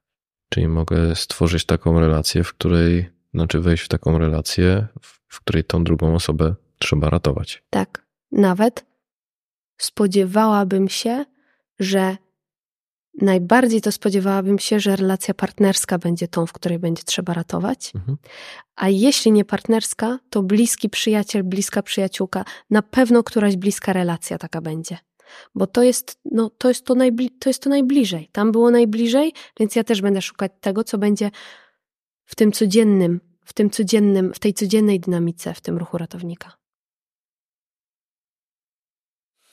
Popatrz, że to no. też e, wracamy do tego, w sumie o czym rozmawialiśmy na początku, nie? czyli w momencie, kiedy my mamy jakieś nieprzepracowane rzeczy, to możemy nieświadomie powtarzać pewne schematy yy, dotyczące tego, że to my nie do końca mamy odpowiedzialność, może nie odpowiedzialność, ale nie, nie do końca mamy taki wpływ na, na, na swoje życie, bo ja często się spotykam z takim poczuciem, że jakbym był w jakimś takim błędnym kole, mhm. że cały czas, jak to się ładnie mówi, że imię albo nazwa firmy się zmienia, ale problemy pozostają. Że jak to jest, że ja cały czas jestem w takiej sytuacji i trochę e, myślę, że w kontekście tego przykładu ratownika mocno naświetliliśmy, z czego to może wynikać. Tak. Bardzo ważne było to, co powiedziałeś, że jak ja ratuję, to będę kochany, mhm. kochana. Mhm. Tak. I myślę, że warto sobie zadać pytanie, y, za co, jeżeli to było warunkowe, za co ja byłem, za co było, było się kochanym u mnie w domu? Bardzo ważne pytanie. Bardzo ważne pytanie. I teraz jeszcze nawet to poszerzając, to jest tak, że my wchodzimy z poziomu tego ratownika w te relacje, już zatrzymamy się przy tej partnerskiej relacji, gdzie trzeba ratować partnera albo partnerkę. I to nie jest tak oczywiste, trzeba ratować, bo ona czy on pije. Nie. To może być trzeba ratować, bo jest, mają cykliczne stany depresyjne. Trzeba ratować, bo co chwila sobie nie radzą w pracy. Trzeba ratować, bo nie chce im się żyć raz na czas. Trzeba ratować, bo y, są załamani przez swoją relację z rodzicami. Z różnych opresji. I teraz tak, my często tutaj mówimy: toksyczny partner, toksyczna partnerka. I ja powiedziałam wcześniej, że ja za tym słowem nie przepadam, że ono do mnie nie mówi, bo my tutaj nie widzimy często jednego bardzo ważnego aspektu, że w tej relacji są dwie osoby. W tej relacji znaczy się, są dwa skrypty. Ty sobie realizujesz coś poprzez znalezienie toksycznego partnera, i partner sobie realizuje coś poprzez bycie tym Twoim katem czy oprawcą. I tutaj, żeby było jasne, płeć nie ma znaczenia, podaję po prostu taki e, tego typu przykład. Czyli na przykład, jeżeli ja trafiam, biorę to znowu w cudzysłów, bo, e, bo my nie trafiamy z poziomu losu, tylko trafiamy z poziomu mm, dopasowania idealnego, biorąc pod uwagę to, co w nas płynie i to, co w nas jest zapisane. Więc jeżeli ja wybieram sobie z pola nieświadomego partnera, który okazuje się być bardzo trudny, manipulujący, szantażujący mnie na przykład, to teraz pytanie, skąd ja to znam? Skąd ja znam to uczucie w ciele, kiedy on na przykład się do mnie nie odzywa trzy dni? Skąd ja znam to uczucie w ciele i to poczucie winy, kiedy po raz kolejny czuję, że to ja zawaliłam. Skąd ja znam to, y, te emocje, to poczucie nieadekwatności, kiedy na przykład partner mnie wyzywa. Skąd ja to znam? Więc co ja sobie tu odtwarzam? Z drugiej strony partner też będzie miał w tym jakiś swój temat. Jeżeli, dajmy na to, on ma w sobie ten, ten zapis bycia katem, no tutaj już by można było patrzeć na dużo różnych czynników, jak mu było w relacji z mamą, czy tam nie było za blisko, bo to jest też taka częsta dynamika. Jeżeli e, chłopcy byli zalani przez mamę, e, Zalani. zalani miłością, zalani nadopiekuńczością, zalani jej trudnymi emocjami. To są też często mamy, które nie miały partnerów w swoich mężach, więc oni musieli być partnerami swojej mamy to oni albo mogą być synkami mamusi, albo mogą się tak bardzo agresywnie odpępniać od tej mamy i mieć bardzo dużo wściekłości na inne kobiety. No ale tutaj już tak patrzymy systemowo. W każdym razie dla tego mężczyzny też jest w tym jakiś temat. I teraz jak ty odkryjesz, co sobie tutaj realizowałeś czy realizowałaś, to możesz sprawdzić, jak się tutaj teraz w związku, w związku z tym możesz sobą bezpiecznie zaopiekować. Czasem to jest paradoks, ale to się często pokazuje na ustawieniach systemowych, że jak my odkrywamy tę pierwotną dynamikę, która funkcjonowała w naszej relacji, stajemy z tym do pracy, nagle kobiety, mężczyźni mówią: No magia, no nie wiem, co się stało, a zmieniło się w tym partnerstwie. No coś się po prostu przestało realizować tak, jak się realizowało do tej pory. Mhm. Coś się zshiftowało, zmieniło. A czasem jedynym wyjściem jest pracować z tym tematem, ale jednocześnie odsunąć się od tej relacji czy od tej osoby, nie? Więc tutaj jakby scenariusze są różne, ale to chciałam jakby podkreślić bardzo, że to nie jest tylko tak, to nie jest tak prosta myśl jak to, że y, Antek, Władek, Julia czy Julita jest osobą toksyczną. Pytanie jeszcze, dlaczego ty sobie tą osobę wybrałaś, wybrałaś na partnera, na partnerkę? Bo to nie jest przypadek. Bo spośród miliardów ludzi to nie jest przypadkowe, jakie przestrzenie i relacje dla siebie wybieramy. No, ja cały czas też patrzę na to z tej perspektywy e, epidemii narcyzmu, mhm. którą, której doświadczamy. I tak, wiesz, jak słucham wywiadów z badaczami tego, tego, tego zaburzenia osobowości, to oni mówią, że no, jakby ten procent jest w miarę stały w społeczeństwie i on wynosi, zdaje się, 1 do, do 2%. Tak. E, I raczej niezmienny. Y, mogą się pojawiać takie cechy właśnie rysów narcystycznych, ale z drugiej strony, jak spojrzysz na internet, mhm. jak rozpoznać narcyza, jak się uwolnić od narcyza, aż takie dosyć y, przerażające, nie? Tak. To w tak. kontekście tych toksycznych partnerów też pojawia się bardzo dużo y, takich poradników, co też powoduje, że tak drapię się po głowie, czytam i słucham i zastanawiam się, z, z czego to wynika. A, a ty też mówisz o takim aspekcie, dobra, dobra, ale spójrz też na tym wszystkim yy, w, na siebie. Tak, bardzo. Zacznij od siebie. Zacznij od siebie. To wtedy przestaniesz też trafiać cyklicznie na dokładnie takich ludzi. Hmm. Przestaniesz trafiać na tych toksyków, na tych narcyzów, na tych, od których się trzeba odcinać, na tych, od, od których trzeba uciekać. Przestaniesz na tych ludzi natrafiać, bo my kochamy diagnozy, tak? To są jakieś nasze szufladki. Mam tą szufladkę bezpieczeństwa, wiem, że moja partnerka jest narcyzem. Uf, jest jakaś diagnoza, ok, wiem z kim miałam, miałem do czynienia. Natomiast e, diagnoza nam nic nie mówi. Bo każda diagnoza, każda diagnoza i z poziomu psychicznego i zaburzeń psychicznych, i z poziomu fizycznego, każda diagnoza jest i była jakimś procesem w tej osobie. Mhm. Każda choroba jest jakimś procesem w nas. No i nakładając to na różnice indywidualne osoby, to to nie jest nigdy równe. Tak to znaczy, że jedna osoba przeżywa depresję w jeden sposób, a druga w zupełnie inny. E, tak. Nawet w kontekście płci. I wiesz, to też fajnie wybrzmiewa w, w kontekście zmian, które postępują nawet w, w nazewnictwie, czyli w tej najnowszej klasyfikacji chorób. Nie wiem, czy ona już jest opublikowana, czy, czy jeszcze nie w wersji polskiej. Zaburzenia będą na spektrum. Mhm. To znaczy, że nie, nie będzie się mówiło tam właśnie zaburzenie narcystyczne, tylko gdzie na tej skali tego zaburzenia się jest. No bo mhm. to nigdy nie jest takie zero-jedynkowe, mhm. że odhaczasz kilka tych pól, jak wcześniej było, że 5 z 6 objawów przez minimum 6 miesięcy, tak. tylko teraz będzie to, to, to w takim rozciągnięciu. Myślę, że to też w jakiś sposób uzupełnia to, o czym ty mówisz, że to nigdy nie jest takim oderwaniu, że można jakiś taki szablon do człowieka przyłożyć. Tak. Gabor Mata o tym fajnie mówi, e, to jeszcze wrócę do niego. On mówi, no okej, okay. jak wygląda nasza klasyfikacja diagnozami? Zwykle w taki sposób. E, tam powiedzmy, Michelle ma depresję. Skąd wiemy, że Michelle ma depresję? Bo jest smutna. A dlaczego Michelle jest smutna? Bo ma depresję. A skąd wiemy, że Michelle ma depresję? Bo jest smutna. Mhm. A dlaczego Michelle jest smutna? Że to jest takie kółko zamknięte, w którym my sobie możemy biegać jak chomiki w kołowrotku cały czas. A teraz pytanie, tak naprawdę pytanie nie jest o E, to klasyfikujące słowo depresja. Pytanie jest o te wszystkie emocje, o te wszystkie e, historie, które się dzieją w ciele. że Michel ma depresję. Tak, dokładnie. Bo to, że Michel ma depresję, to nam nic nie robi. My możemy wziąć tabletkę i czasem bez tabletki się nie obejdzie. Bez, e, bez farmakologii się nie obejdzie, ale na Boga nie zatrzymujmy się na tym.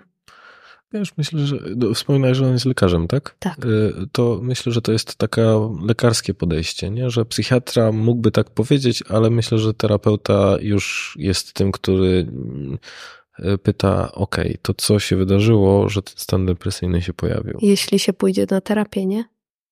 No tak. Wiesz, miałam taką przyjaciółkę, już się nie, nie jesteśmy w kontakcie, ale miałam taką przyjaciółkę, która od 11 roku życia co roku lądowała u psychiatry na psychotropach.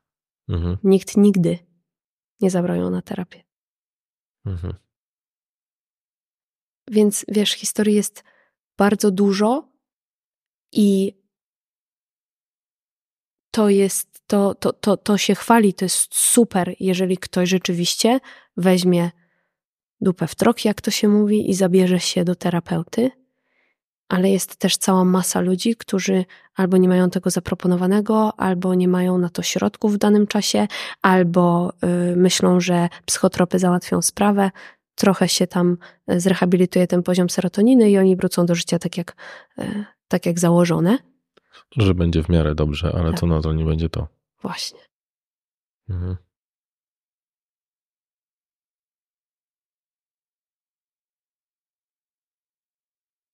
Myślisz, że jest nadzieja? To znaczy, bo tu mówiliśmy dzisiaj o, i tak próbuję to też podsumować, że y, chciałem też Ci podziękować za, za taką otwartość w tej rozmowie i też powiedzenie o, o kilku takich aspektach y, z Twojego życia prywatnego, nie? I, I, o chorobie. Myślę, że to też zawsze jest taki ciężki aspekt, więc dzięki za to.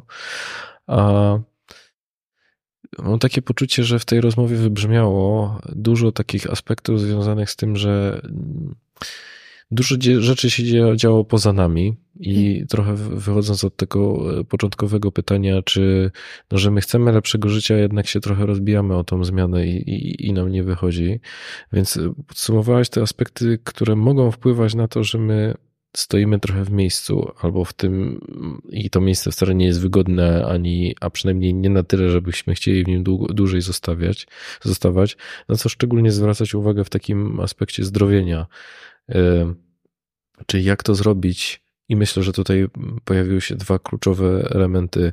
Wzięcie odpowiedzialności, mm. nawet jeżeli ona nie jest wygodna i nie, nie, nie jest łatwa. I z drugiej strony taka samoświadomość i obserwowanie tego, ale też mam wrażenie, że w tym, co mówiłaś, wybrzmiało, żeby nie robić tego w taki wariacki sposób. Mm. To znaczy, że, że, że żeby nie podchodzi też do, do wszystkiego tak bardzo radykalnie, chociaż też mhm. mówiliśmy o tym dostosowaniu tempa zmian do tego, jacy my jesteśmy, nie? Jaki mamy temperament, jaką mamy osobowość, jak w ogóle lubimy do tego podchodzić, yy, czy, czy jak to się u nas sprawdzało i o wielu różnych aspektach wchodzenia w relacje, żeby patrzeć na to relacje jako trochę takie lustro. Mhm co te relacje w ogóle pokazują nas, nam o nas samych. Tak.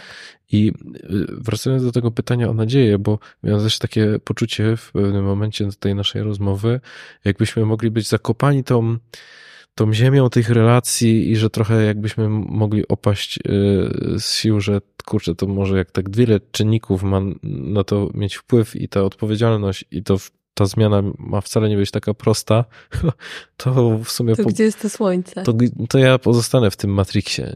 E, I e, może tak trochę bardziej optymistycznie, to co, co czeka po drugiej stronie, żeby zachęcić ludzi do tego, żeby, e, żeby to zrobili? Hmm. Ja mam wrażenie, i tak jak patrzę na ludzi, że po drugiej stronie są że po drugiej stronie nie ma sufitów. Nie ma sufitów. Tak jak sobie możecie wyobrazić życie, które jest nieoklatkowane. Czym jest takie życie? To myślę, że tam znajdziecie to wszystko. e, myślę, że nie ma niczego bardziej zachęcającego do pracy ze sobą niż życie, które obfituje w bezpieczeństwo, spokój, równowagę, w sprawczość, w odwagę, w, we wdzięczność, w miłość, w widzenie. Dla mnie inteligencja emocjonalna i samoświadomość jest sexy. To jest, to jest seksowne, to jest seksowne i w kontekście takim sensualnym, na przykład jeżeli chodzi o partnerów, partnerki, ale to jest też seksowne na życie, bo większość społeczeństwa żyje w tym matriksie, jak to nazwałeś. I teraz, jeżeli są jednostki, więcej mniej tych jednostek, które są poza matriksem, to naprawdę dużo na tych ludzi czeka na świecie mm, i w świecie. I myślę sobie też, że jeżeli dostaliśmy życie, a każdy z nas, kto żyje, ma to życie, to gdzieś może głupotą byłoby z tego życia nie skorzystać najpiękniej, jak potrafimy. Bo nie wiemy, czy jest to kolejne życie, czy go nie ma, czy będzie czas na rehabilitację w innym życiu, innym wcieleniu. Mamy to, co mamy, jest to, co dziś. I jest takie piękne zdanie, którym podzielę się na koniec, że jeśli chcemy stać się mężczyznami, to zaopiekujmy się tym chłopcem, który w nas żyje. Jeżeli chcemy stać się kobietami, to zaopiekujmy się dziewczynkami, które w nas żyją. I naprawdę zachęcam. To takie, wiecie, właściwie nie da się zareklamować pracy ze sobą. To takie głupie, nie? Nie da się zareklamować pracy ze sobą, bo to jest pogruzie, no. Czasami to jest pogruzie. To boli. Czasem to boli. I ból w tej pracy ze sobą, jak mówił Buddha, jest nieunikniony. Ale, jak powiedział Buddha, cierpienie jest opcjonalne. Więc nie trzeba cierpieć w życiu. Cierpienie jest opcjonalne i możemy go nie wybierać. Życie opartego na cierpieniu. No i tym zakończmy. Także tak. dziękuję bardzo. Dziękuję Ci. Słuchasz podcastu charyzmatyczny. Zasubskrybuj, daj kciuk w górę lub skomentuj.